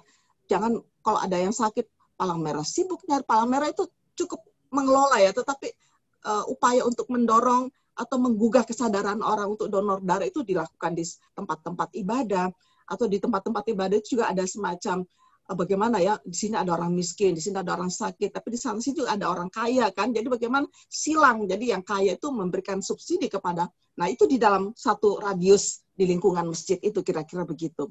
Nah, belum lagi saya mencoba menawarkan dalam dakwah transformatif ini adalah salah satunya itu adalah bicara tentang lingkungan. Itu ada pada uh, apa dakwah yang transformatif. Jadi di situ ada beberapa uh, isu yang saya uh, apa tawarkan yang betul-betul merupakan problem-problem uh, krusial ya di dalam masyarakat kita, problem-problem yang real yang kita hadapi sehari-hari tetapi tidak pernah ya dianggap penting bahkan oleh orang-orang yang setiap hari menggelorakan uh, apa namanya pentingnya kita beragama, tapi beragama yang tidak memberikan solusi terhadap problem-problem uh, kemanusiaan kita. Karena itu terakhir ingin saya katakan kepada kita semua, saya sih tidak apa ya sebagai seorang penulis dan seorang tapi saya bukan hanya seorang penulis saya juga seorang aktivis itu bedanya saya dengan uh, banyak profesor ya jadi mungkin beda ya karena kalau banyak profesor yang lain itu kan mereka kan adanya kan di Menara Gading jadi mereka tuh nyaman duduk di apa di uh, belakang meja, nggak tahu apa sebetulnya yang terjadi di masyarakat kita. Kalau saya ini orang lebih mengenal saya itu sebagai aktivis. yang setiap kali demo itu ada di sana ya dan bicara tentang banyak hal tentang uh, apa tentang masalah-masalah uh, yang krusial di masyarakat. Sekarang ini kami sedang konsentrasi untuk bagaimana kita menggolkan rancangan undang-undang penghapusan kekerasan seksual. Karena kekerasan seksual ini adalah sesuatu yang nyata terjadi di masyarakat. Kadang-kadang saya heran ya, ada beberapa kasus yang saya hadapi. Suaminya itu terus terang, tapi Bu tidak berarti bahwa korban kekerasan seksual itu hanya perempuan, laki-laki juga banyak. Tetapi secara statistik, korban yang terbanyak itu adalah perempuan. Nah, saya pernah, bukan hanya pernah, beberapa kali ketemu dengan pelaku kekerasan seksual ini, bahkan orang yang bertitel kiai ya, kan bagaimana mungkin ya dalam hati saya kok bagaimana mungkin ya orang yang kelihatan kelihatan sangat agamis sholatnya juga sangat apa ya sangat uh, rigid begitu ya. Tapi kok bisa melakukan kekerasan? Pertanyaan saya di mana agamanya? Karena kalau sebagai orang yang beragama sungguh-sungguh, nggak mungkin kan kita melakukan sesuatu yang mencederai orang lain, me menyakiti orang lain. Karena itu bertentangan betul ya. Apalagi kalau saya melihat bagaimana Rasulullah Shallallahu Alaihi Wasallam itu di dalam rumah tangganya, jangankan memukul, suara kencang aja apa suara suara tinggi aja itu nggak pernah. Jadi Aisyah itu mengatakan Rasulullah itu jangankan memukul, tetap bahkan meninggikan nada suaranya saja nggak pernah.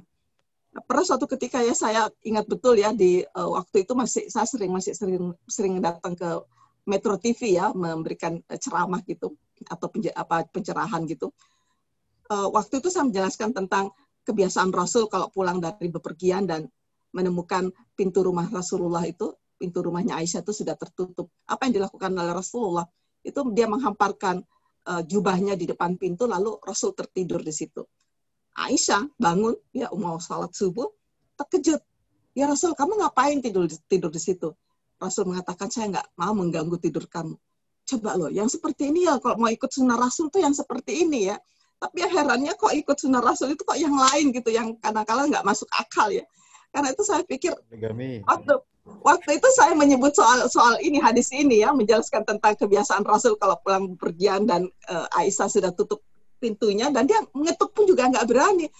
Apa kata pimpinan waktu itu pimpinan uh, eh, TV Bu Musta jangan dong bicara seperti itu lagi. Banyak yang banyak yang terganggu ya banyak yang loh Anda mau mau kita menyampaikan kebenaran atau Anda mau mengikut suara suara uh, netizen atau suara pemirsa? Ya tapi kan kita kan juga perlu rating kata pimpinan itu sebenarnya. Kalau begitu nggak usah nggak usah undang saya sekali lagi. Karena saya adalah orang yang tidak bisa dibeli dengan harga berapapun saya kira itu terima kasih wassalamualaikum warahmatullahi wabarakatuh Waalaikumsalam warahmatullahi wabarakatuh. Terima kasih Prof. Musda atas pencerahannya. Saya uh, tidak perlu menyimpulkan ini karena memang sebetulnya semua tertuang ini dalam buku Prof. Ya ini ya uh, ensiklopedia Muslimah Reformis. Ini saya baca dua kali Prof dan tetap pencerahannya nggak habis-habis gitu ya kalau bagi saya pribadi.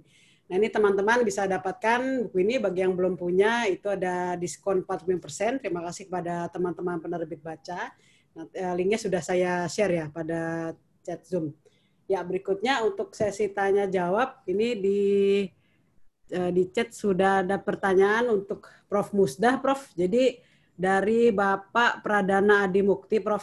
Pertanyaannya adalah uh, sudah ada Muslim scholars yang cerdas seperti Ibu Musdah, namun uh, ada juga di satu sisi pemahaman tek tekstualis konservatif bahkan yang ekstrim itu banyak. Jadi adanya ketidakadilan ini tidak hanya ekonomi tapi pemahaman agama. Menurut Prof bagaimana?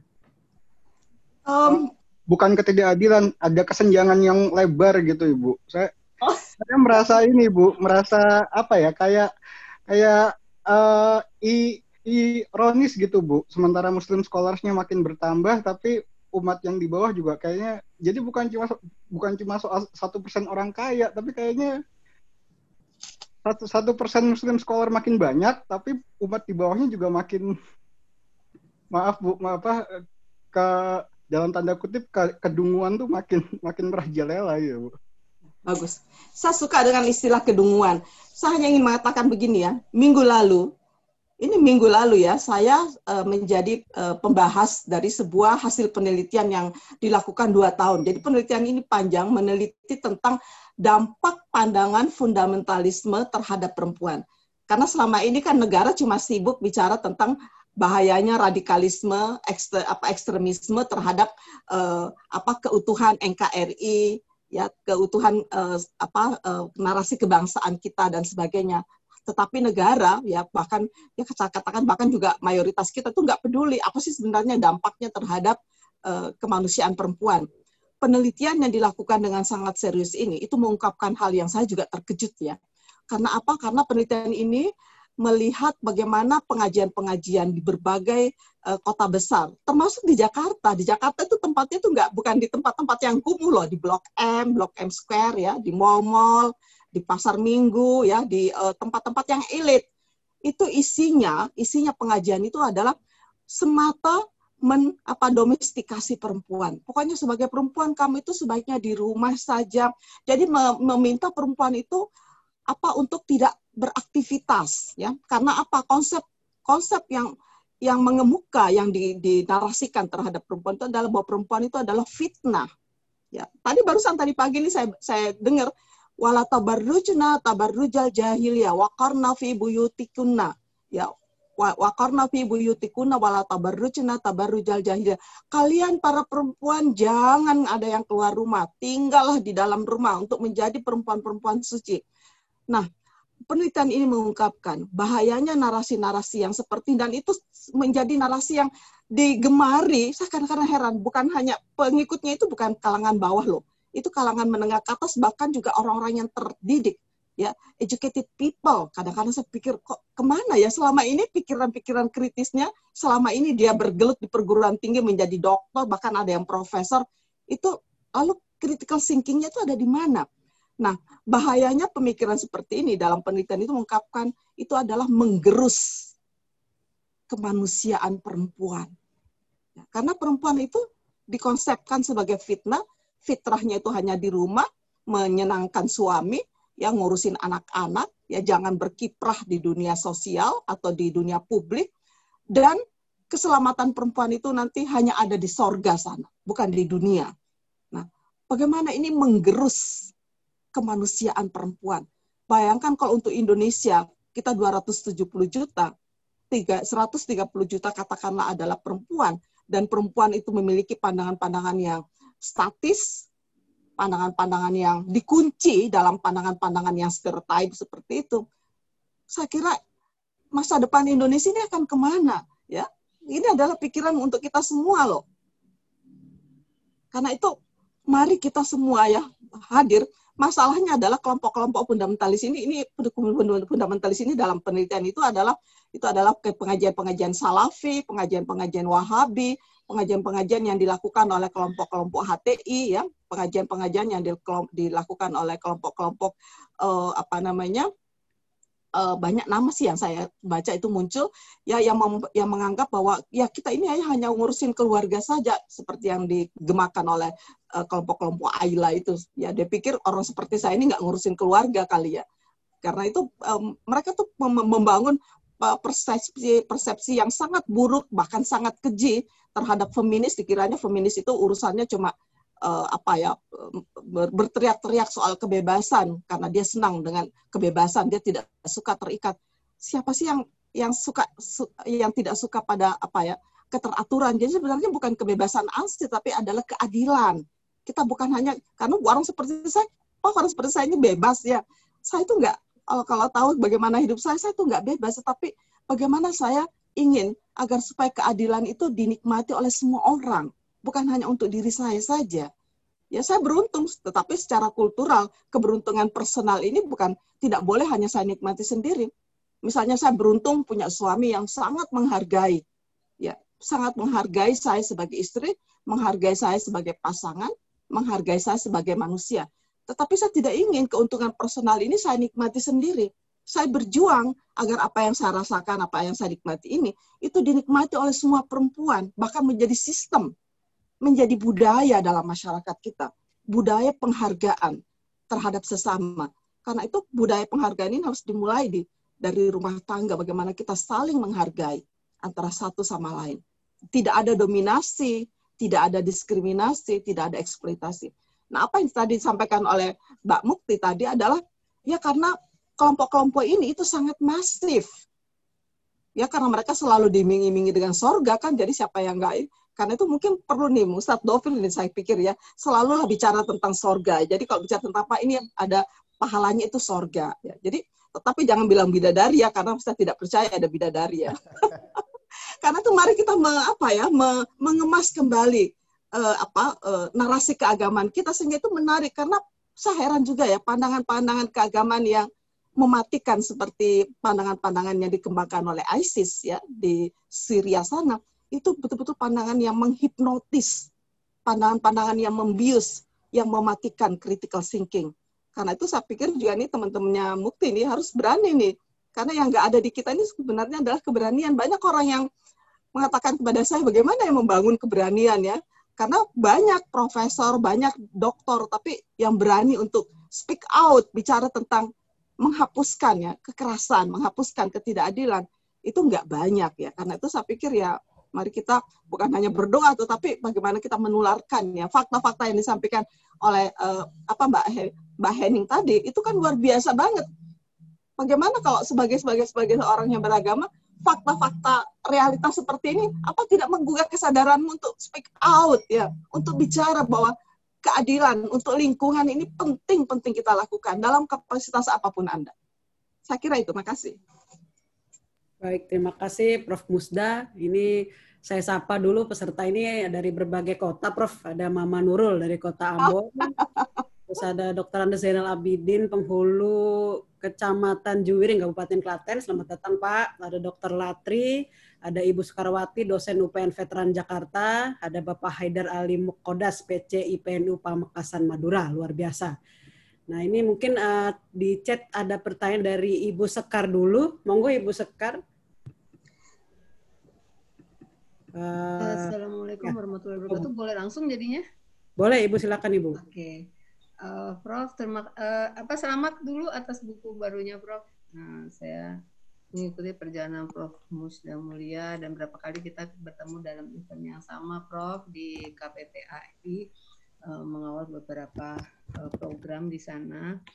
Uh, sebetulnya saya sepakat dengan dengan keprihatinan kita yang sama ya Prof soal apa narasi-narasi yang mereduksi perempuan kembali ya ke ke rumah gitu ya uh, uh, apa namanya dengan uh, memakai uh, apa uh, hukum agama lah katakanlah seperti itu.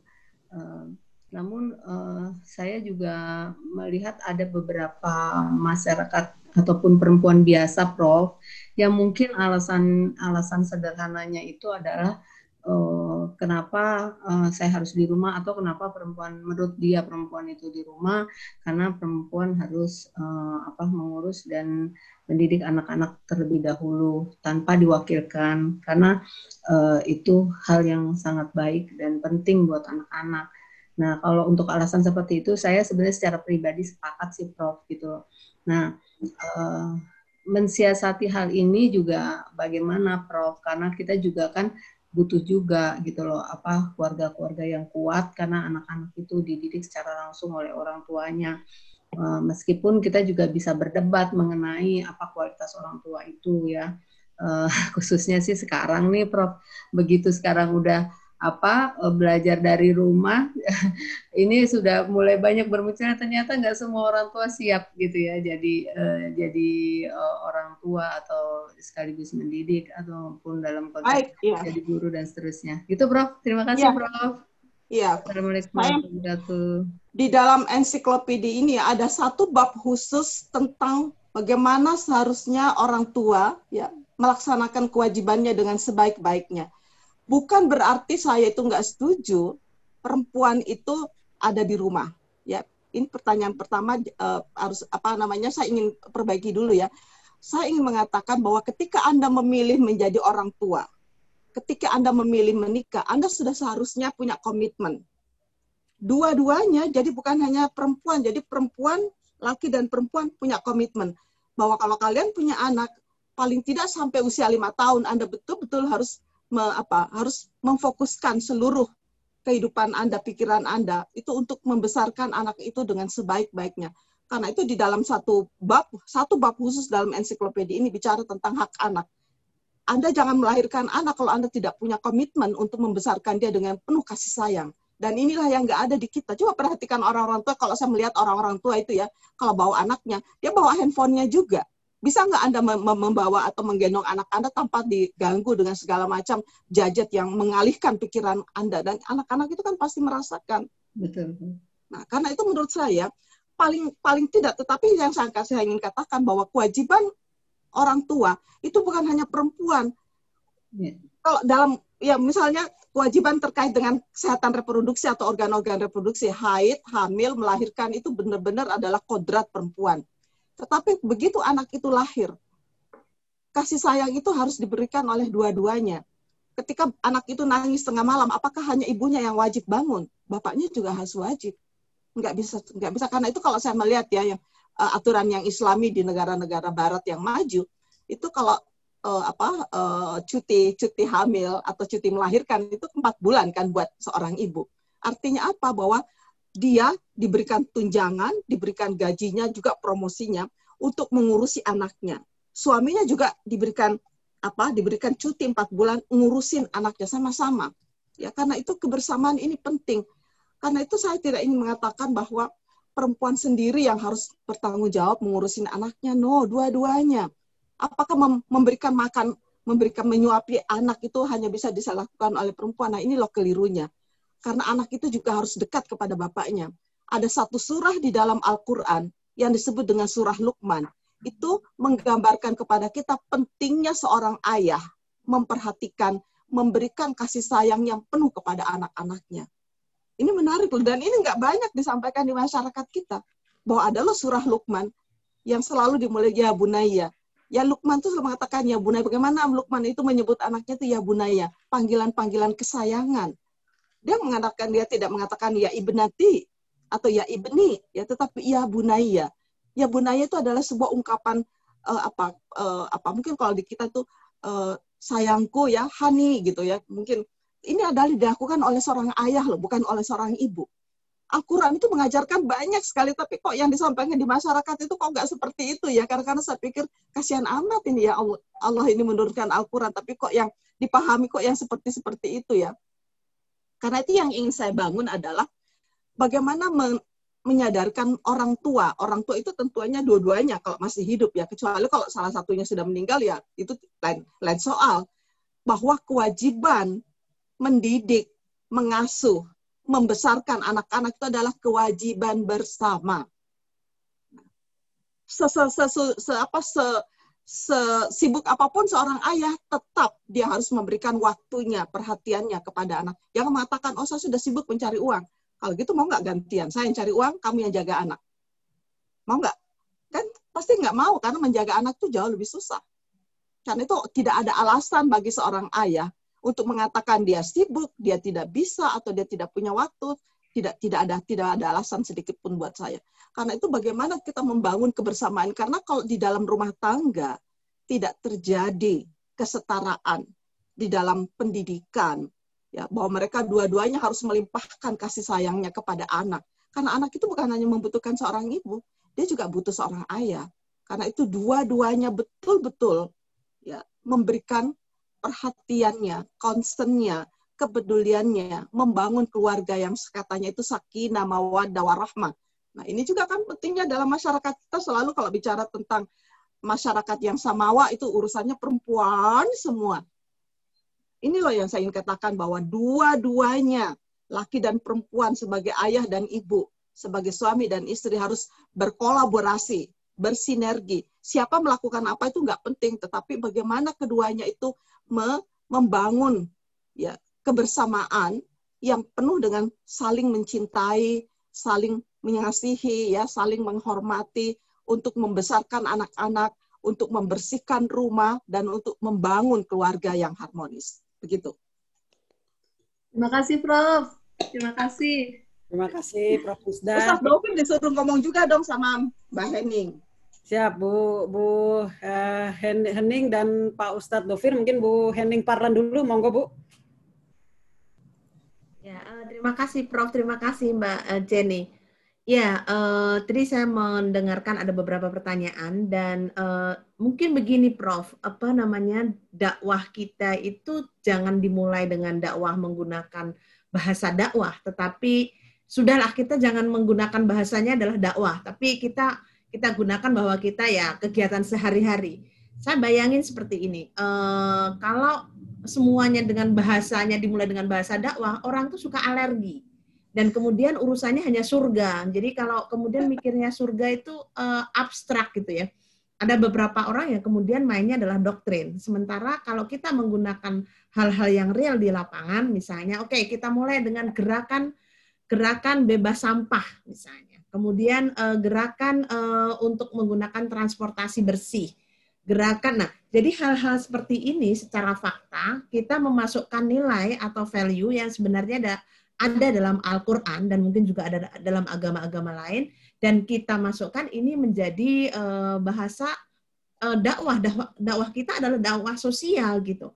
Nah, saya sebenarnya lama banget mengamati karena saya kerja lintas agama ini cukup lama, lebih dari 15 tahun dan uh, waktu awal-awal kita menggunakan bahasa dakwah itu nggak nyampe, Prof.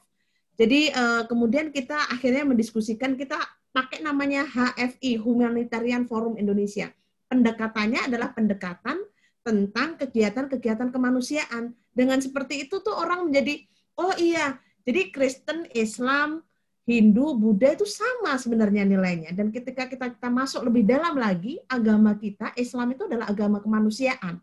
Agama yang memberikan solusi-solusi pada kegiatan sosial.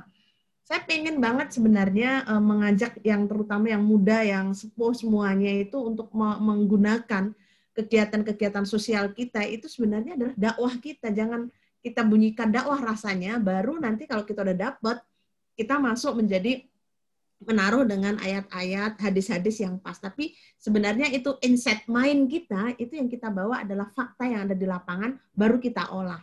Nah, uh, mungkin itu. Terus kemudian yang hal yang lain, uh, satu lagi, uh, saya setuju dengan uh, pilihan seorang perempuan mau menjadi tinggal di rumah atau enggak dan tantangannya itu besar. Nah, eh, di situ memang lagi-lagi eh, budaya, Prof. Eh, saya pikir karena kita lama sekali punya budaya patriarki, sehingga eh, itu tidak mudah untuk, oke, okay, kalau yang namanya perempuan bekerja di dalam dan di dalam rumah itu sama dengan nilainya bekerja di luar rumah, itu dan itu adalah pilihan, itu sama sekali tidak dihargain gitu. Jadi orang itu mendapatkan penghargaan ketika memang mereka hanya bekerja di luar rumah. Nah, ini juga yang harus kita kita garap agar orang itu merasa dihargai kalau dia itu mengambil pilihannya gitu. E, terakhir adalah e, e, tadi saya nitip saya memang saya udah yang di bab 17 Prof tentang ini e, saya ingin ngajak teman-teman yang ada di yang peserta minimal e, untuk mendalami e, e, dakwah transformatif yang diusulkan oleh e, Prof Musdah bagaimana kita masing-masing menggeluti dan karena saya kerja untuk lingkungan, uh, ayo kita dalami dengan ini. Uh, nanti kalau Prof ada waktu, saya bisa soan uh, ke mana, ke kampus atau ke mana untuk mendalami ini dan kita sebarkan lebih luas. Karena kebetulan saya mengampu beberapa uh, network. Satu saya di MUI, Prof. Itu ada kelompok namanya uh, uh, Eko Masjid dan saya adalah dari kelompok perempuannya. Hmm. Dan itu uh, itu itu berjalan setiap uh, seminggu sekali dan terus menerus sekarang sudah banyak sekali uh, mulai dari kita mulai dari puasa Ramadan kemarin. Kemudian saya uh, dengan teman-teman lintas agama masih jalan dan dan yang lain di Aisyah dan yang lain-lain. Jadi kalau kita menggunakan pengetahuan dakwah transformasinya Prof menjadi pintu masuk saya pikir ini akan akan berhasil kita perempuan perempuan untuk menjadi pemimpin-pemimpin dunia bahkan bukan hanya di Indonesia untuk urusan dakwah Terima kasih uh, Kak Jenny dan Prof. Baik, terima kasih Bu Hening Parlan. Selanjutnya Pak Ustadz Tufir, monggo Pak. Baik, terima kasih. Pak terdengar ya suara saya Kak Jenny ya? Terdengar. Uh, baik, terima kasih. Eh, kira-kira uh, dua tahun ini memang kajian-kajian saya, baik kajian tafsir maupun yang lain ya, memang concern kepada hifzul bi'ah. Hifzul bi'ah ini uh, salah satu varian dari menjaga hifdzun nafas kalau dalam kajian jurisprudensi Islam. Hifdzul bi'ah adalah menjaga lingkungan. Salah satunya kemarin kurban itu di Ladha memang kita tanpa plastik. Jadi pakai bahasa Jawa itu tumbuh ya dari anyaman bambu itu. Kita pakai itu dan uh, dan dapat respon ya banyak respon positif. Baik, kita mengacu saja kepada buku ini karena sedang kita kita mendiskusikannya. Buku ini juga kurikulum. Tadi kepada beberapa penanya saya juga membaca chatting-chatting itu ya. Buku ini kurikulum untuk kita uh, apa ya Mas ya apa tanggung jawab tanggung jawab ini tidak hanya kalau guru misalnya ya atau pendidik atau katakanlah ustadz tadi uh, penyampai penganjur kesalehan buku ini tidak hanya Mas mas'uliyah diniyah tanggung jawab agama tidak, tapi juga tanggung jawab kemanusiaan. Oleh karena itu dari buku ini kita belajar bahwa Islam ini bukan melulu agama. Itu pasti sangat sempit karena spektrumnya akidah dan syariat akidah itu yang beda dengan saya kafir, syirik, murtad, kabair, dosa besar ya. Kemudian kalau syariah ya halal haram, makruh mubah itu saja itu. Dunia menjadi sedemikian hitam putih. Tapi dari buku ini kita juga Islam itu pengetahuan. Seperti spirit ayat yang mula-mula beliau sampaikan tadi Iqra itu ya. Kemudian kita juga belajar Islam sebagai peradaban, sebagai tanggung jawab sosial. Lagi-lagi syahadat kita itu juga syahadat kemanusiaan bukan melulu syahadat keagamaan. Nah, sehingga penting bagi kita untuk menjadi muharrik apa muharrik aktivis munazim organisatoris kita tidak melulu menjadi kita tidak ranah kita panggung kita tidak hanya di masjid. Bahkan di masjid pun saya garis bawahi pernyataan beliau ada need assessment ya. Apa sih kebutuhan masyarakat ini? Apa? Karena kita pelayan. Tidak melulu kepada ke, menjadi ilmuwan atau intelektual atau akademis, akademisi menara gading ya, tapi bagaimana kita uh, tahu betul responsif ya. Apa sebab seperti ayat yang juga disinggung oleh beliau di sini surat Ibrahim 28 tadi yang redaksi yang berbunyi alam taro ilal ladzina badalu ni'matallahi kufron. Tidakkah kau perhatikan riset, analisis studi kasus kepada uh, orang-orang oknum lah ya allazina baddalu yang memanipulasi sedemikian rupa nikmat Allah, nikmat Tuhan di bumi Indonesia. Kebinekaan ini nikmat Allah ini. Pancasila lah lebih kurang demikian. Kemudian sumber daya ideologi, di samping sumber daya alam dan sumber daya manusia yang sangat buruk, yang sangat masif kerusakan terjadi di mana-mana. Anehnya oknum-oknum tadi itu badalu nikmatallahi kufran wa ahallu qaumahum kufran ini jangan kafir itu ya menutup diri ya.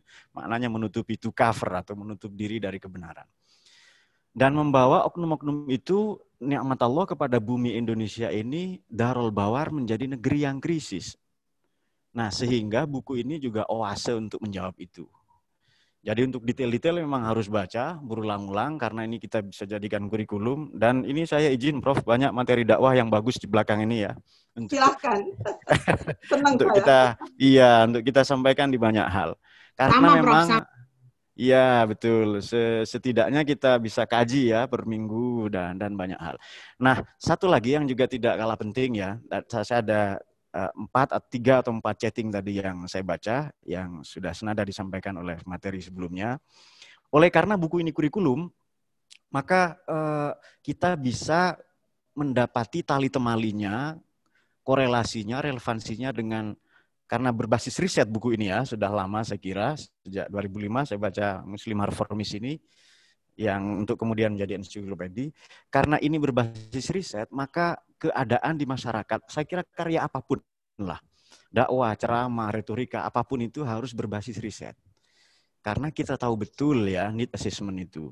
Belum lagi statistik. Nah, saya kira buku yang baik, karya yang baik, ceramah lah, video. Karena memang ini Prof ya, milenial ini nonton video, saya baca satu riset dari Harvard dan dari Birmingham ya di Inggris itu, uh, nonton video itu 3 sampai 5 menit bagaimana kita bisa belajar agama, belajar Pancasila, kerukunan, hak-hak perempuan hanya tiga atau lima menit. Yang lebih parah satu menit di Instagram.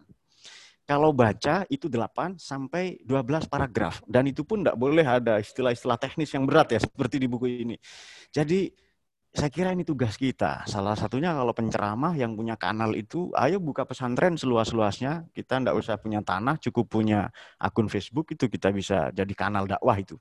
Namun demikian, dakwah yang transformatif seperti yang ada di buku ini, yang memanusiakan manusia, yang memaknai nahi mungkar, amar ma'ruf nahi mungkar itu tidak hanya bawa pendungan, karena di buku ini juga makna uh, ma'ruf dan mungkar dikembalikan kepada makna dasarnya. Jadi kita belajar lagi fikih ya di sini, kita belajar lagi uh, bahasa Arab.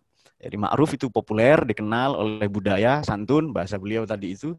Kemudian mungkar ini ditolak oleh kemanusiaan, bukan melulu oleh agama. Karena memang tujuan kita menjadi agama, jadi apa menjadi manusia. Jadi sekali lagi saya garis bawahi, Islam yang disampaikan oleh beliau, oleh bunda kita dalam buku ini bukan melulu agama. Karena sempit sekali. Tapi ilmu, kemanusiaan, bahkan puncaknya kata beliau di sini rahmatalil alamin. Itu cinta kasih. Dan Tuhan mendahulukan cinta kasihnya daripada yang lain dan sifat atau asma Tuhan yang dominan juga disinggung di buku ini adalah cinta kasih itu sendiri. Pelimpah kasih itu Rahman dan Rahim itu sendiri.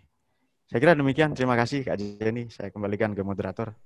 Baik, terima kasih. Mbak Jenny, ya. ada pertanyaan yang ingin saya jawab itu ada dari pertanyaan uh, sebenarnya uh, pertanyaan dari dosen UIN ya Jakarta Mbak Yaya dia bilang begini gimana nih mendekatkan ya dua kelompok yang sama-sama sama-sama yang berjauhan gini tadi saya menyebut kelompok-kelompok yang uh, fundamentalis yang yang melihat uh, agama itu sekedar teks-teks yang kaku ya.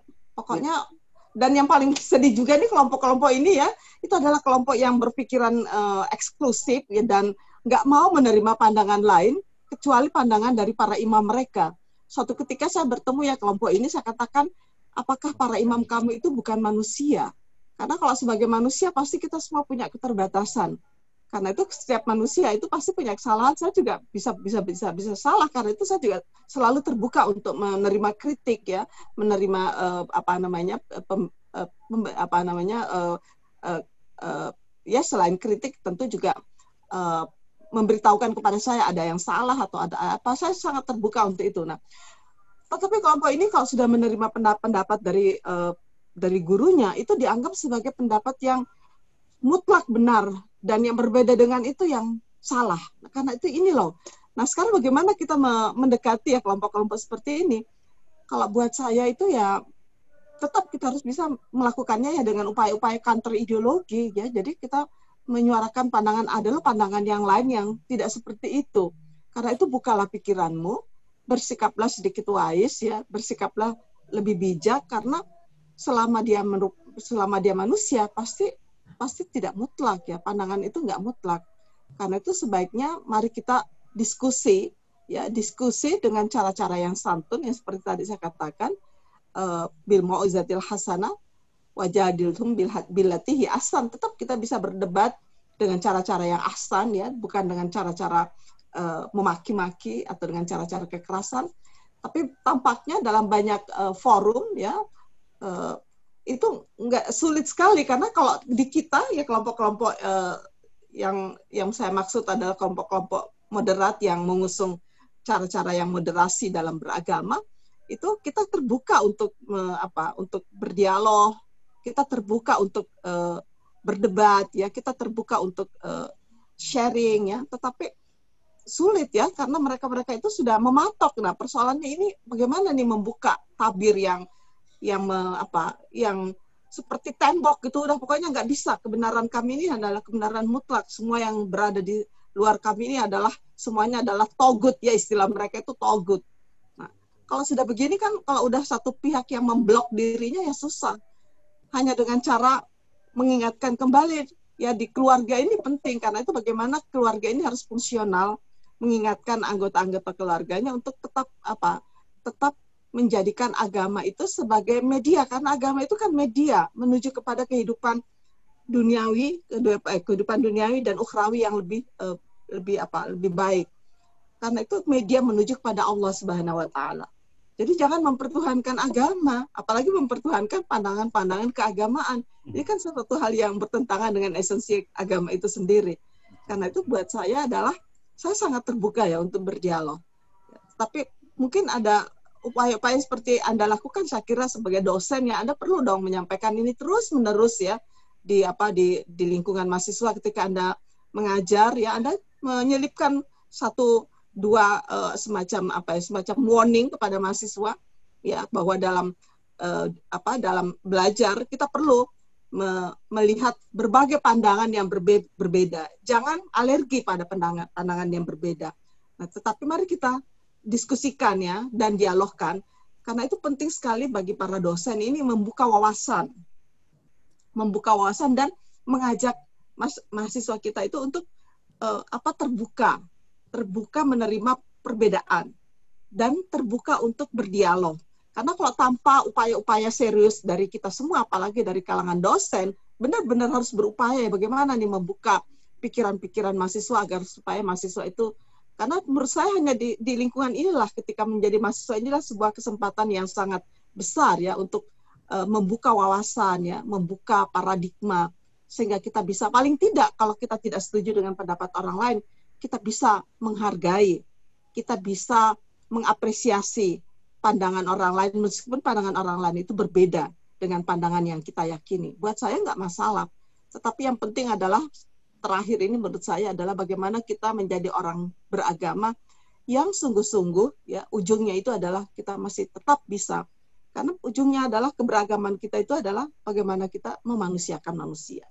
Anda beragama adalah orang yang memanusiakan orang lain. Jangan menjadi orang yang beragama tapi semakin tidak manusiawi ya. Sekali saya selalu melihat semakin manu, semakin beragama kok semakin tidak manusiawi kok ada hal yang salah ya di dalam perjalanan keagamaan itu. Dan ingat bahwa dalam perjalanan agama menurut saya ini adalah sebuah proses. Ya, ujungnya itu seperti apa kita tidak tahu karena itu kita selalu berharap ya berdoa ya karena abudu wa ya karena stain.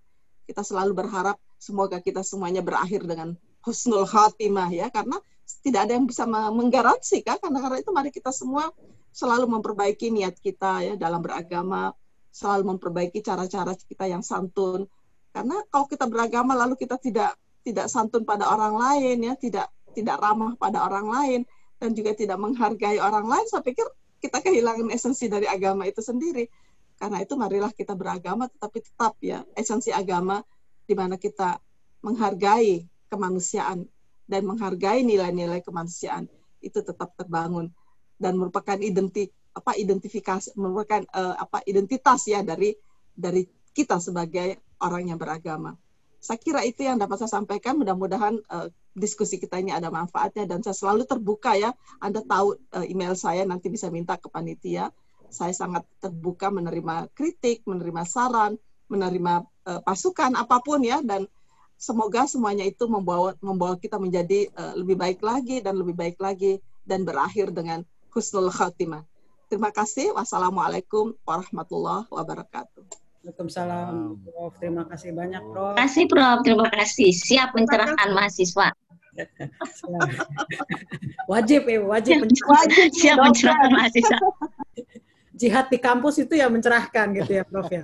Dan memang poin-poin yang tadi Prof sampaikan ini sudah saya stabilo juga, Prof, dalam buku Prof, karena Prof juga menyinggung Pancasila gitu ya, bahwa Pancasila ini bukan hal yang baku gitu ya, bisa berdinamika dan bisa juga ditambahkan gitu ya terus sesuai dengan perkembangan zaman. Nah, mungkin karena waktu mungkin satu penanya lagi mungkin sebelum closing statement dari masing-masing narasumber monggo satu mungkin dari kota Ambon ini ada Mama Nurul yang yang tadi sudah semangat ini jam 13 kurang sudah masuk ke ruang Zoom. Mama Nurul masih bersama kita atau mungkin Pak Sadianur dari Kalimantan Selatan? Ya, kalau tidak ada mungkin langsung closing statement saja ya. Uh, dari Bu Hening Parnan dulu, silakan Ibu Hening. Terima kasih Mbak. Saya ini bagian di depan melulu ya. Uh, pertama, uh, sebagai seorang muslimah, uh, bacalah buku ini karena ini sangat mencerahkan. Apabila terlalu berat karena ini banyak bab, maka bisa uh, diolah satu persatu per bab by chapter by chapter.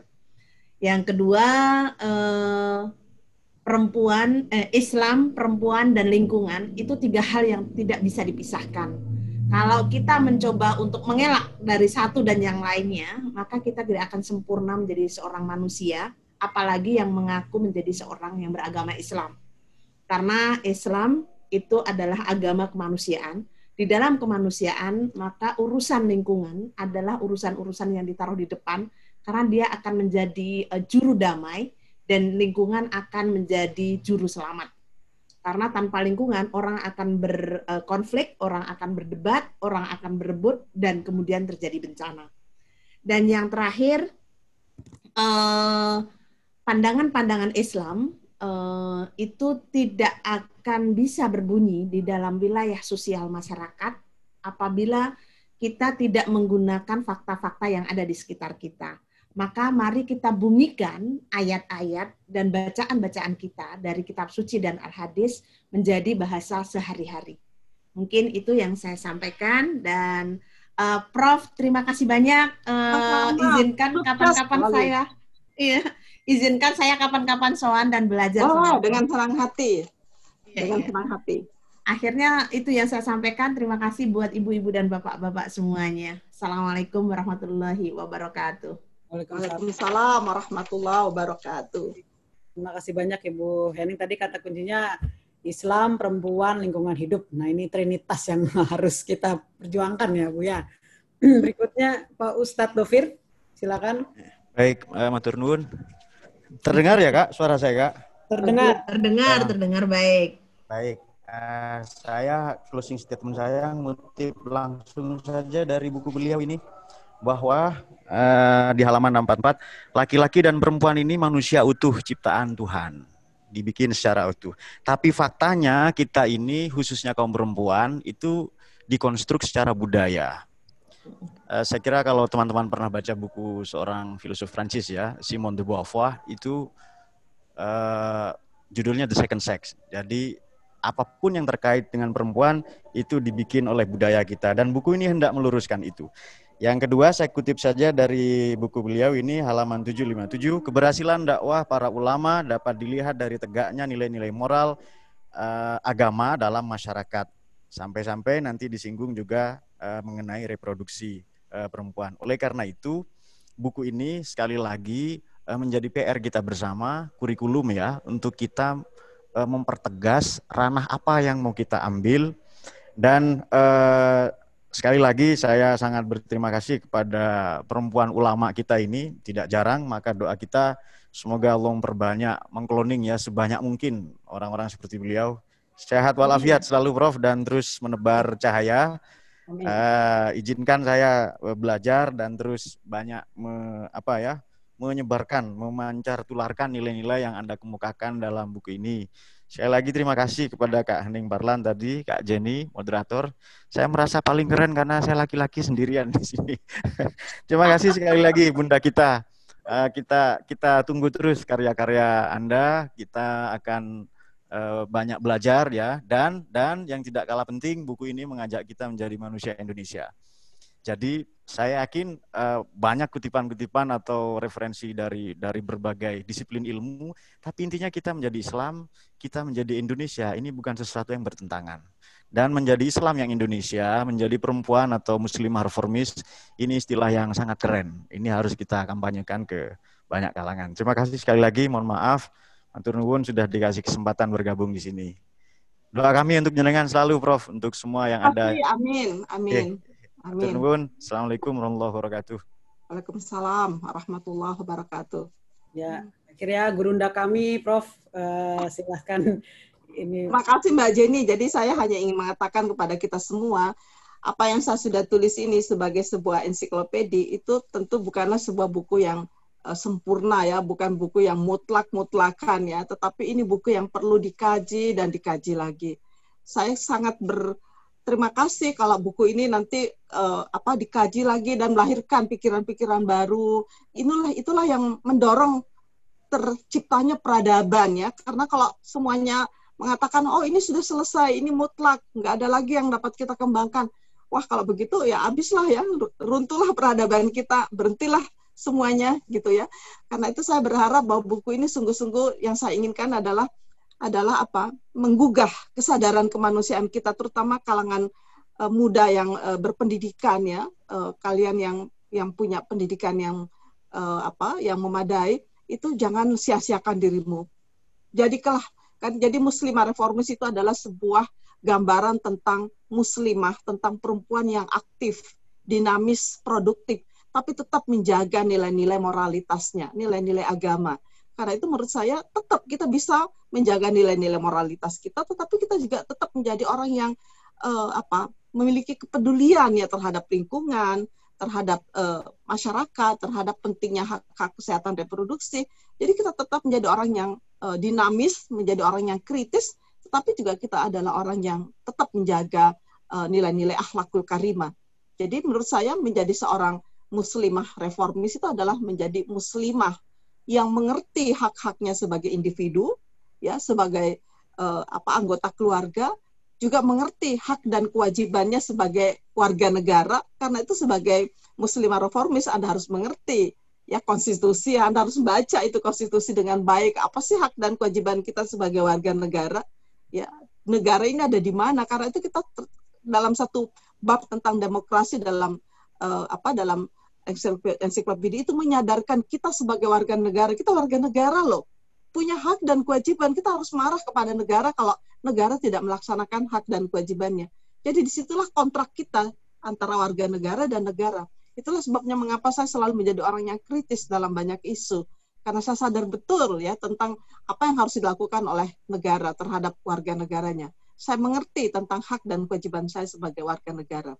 Terakhir ya, Muslimah Reformis itu menggaungkan ya nilai-nilai kemanusiaan. Bahwa sebagai seorang yang beragama Anda pasti akan me, apa akan menghormati nilai-nilai kemanusiaan. Karena esensi kita sebagai manusia itu adalah kita diciptakan sebagai makhluk yang apa yang disertai dengan harkat dan martabat. Karena itu jangan pernah ya menyanyiakan sesama manusia. Karena itu artinya ada Anda melecehkan ya ciptaan Tuhan. Karena itu sebagai upaya untuk memanusiakan manusia mari kita membangun ya membangun sebuah uh, apa sebuah komitmen untuk menciptakan keadilan bagi semua. Siapa pun dia selama dia berwujud manusia dia berhak mendapatkan keadilan. Karena itu mari kita bersama-sama berjuang mengikis semua bentuk perbudakan semua bentuk diskriminasi semua bentuk eksploitasi semua bentuk kekerasan yang menyengsarakan manusia. Karena pada akhirnya the golden rules dari semua agama dan kepercayaan jadi aturan emas ya dari semua agama dan kepercayaan itu sebenarnya simple.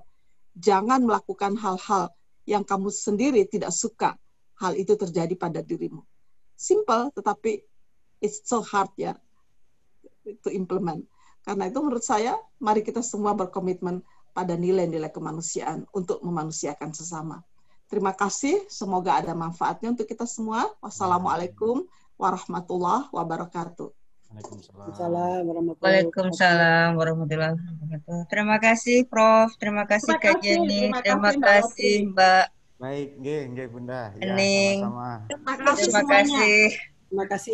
Ini Pak Ustadz, Pak Ustadz Delvin. Kita akan foto bersama ya, dulu, mohon izin. Ya. Bapak Ibu kita foto bersama akan dibantu Baik, Kak. untuk membuka kamera. Mbak Latri. Terima kasih, Mbak Neng. Iya. Apa sudah ini? Mbak Ana sudah siap, Mbak? Untuk bisa uh, memfoto screenshot ya. Oke. Satu, dua, tiga. Mbak Amna? Tidak, Mbak Amna. Iya, iya. Oke, mohon dibantu Mbak Amna untuk bisa foto bersama kita secara Oke. virtual. Ya, sebentar. Oke. Ya, mohon buka kameranya Bapak Ibu ya. Next slide. Ya. Satu, dua, tiga. Iya, lama-lama gue Oke. Hari ini Amna manis sekali. Masih, Mbak Latri.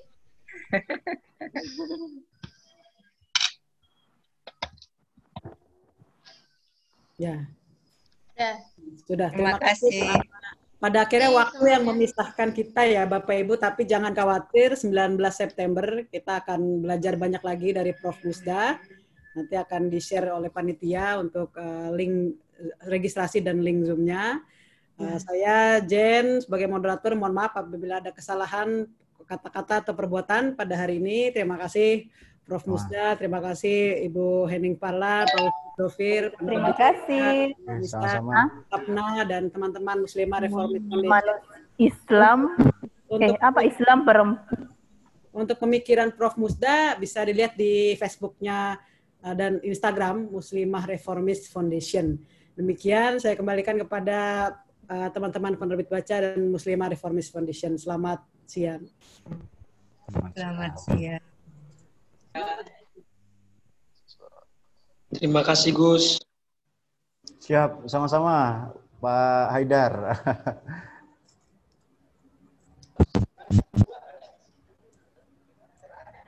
Terima kasih, Prof. Kenal uh, Ustadz Gofir Zuhri. Nanti kapan-kapan Terima kasih, Prof. Iya Kak, iya Kak Henning, iya siap. Iya nih. Atas ilmunya hari ini. Hebat banget nih Ustadz nih. Saya mau jadi tadi apa eh, menjadikan manusia Indonesia. Baik, baik Ibu Latri. Ya. Iya. Iya, saya malah nggak kepikir bahwa buku Prof Musda itu eh, mampu memampukan seseorang untuk menjadi manusia Indonesia. Yang saya Betul. kutip dari eh, Pak Ustadz tadi itu. Betul, betul. Dr. Latri, Assalamualaikum semuanya. Sa- Waalaikumsalam. Terima kasih semuanya. Saya Assalamualaikum. Waalaikumsalam. Mau lagi Bu Henning. Ya, silakan Sampai ketemu lagi. Boleh saya bicara ya?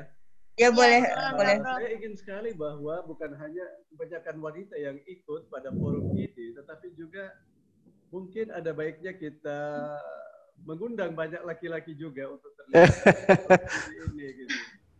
Nah, karena ini pemikiran-pemikiran beliau sangat baik dan eh, bukunya juga sudah saya miliki. Eh, saya di Universitas Pancasila Jakarta dan buku ini sudah saya jadikan sebagai referensi mata kuliah eh, umum eh, agama Islam dan agama-agama lain. Kebetulan saya yang eh, diminta rektor untuk eh, membuat eh, RPS-nya, rencana pembelajaran eh, mata kuliah.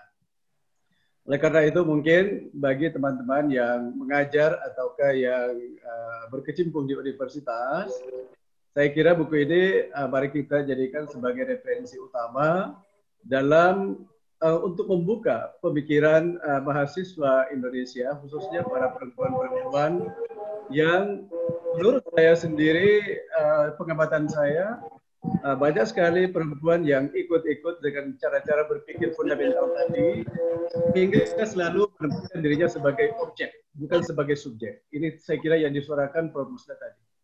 Demikian, Assalamualaikum warahmatullahi wabarakatuh. Waalaikumsalam. Terima kasih Pak Prof Mas Hadi. Terima kasih sekali. Eh, ya, teman-teman untuk penutup kita tampilkan video. Terima kasih untuk teman-teman dan pengisi narasumber Ustadz Dovir Baik, dan baik, Mbak Amna, ya. Terima kasih banyak. Semoga kita bisa berjumpa kembali. Amin, amin, amin. Hmm.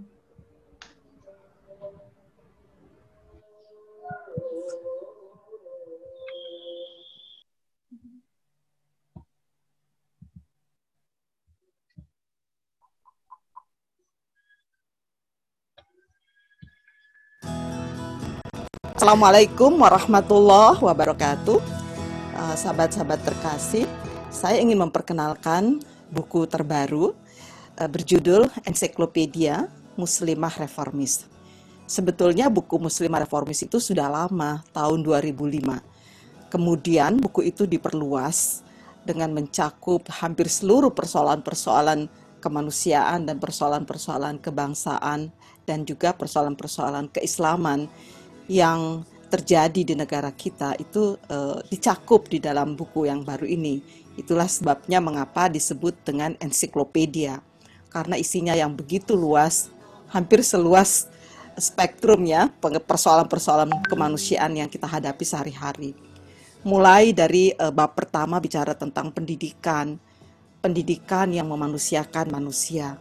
Karena menurut saya pendidikan itu harus betul-betul yang melahirkan manusia-manusia yang berjiwa eh, terbuka, yang kritis, dan yang memiliki eh, passion, memiliki eh, kepedulian dan penghargaan yang sangat tinggi terhadap kemanusiaan.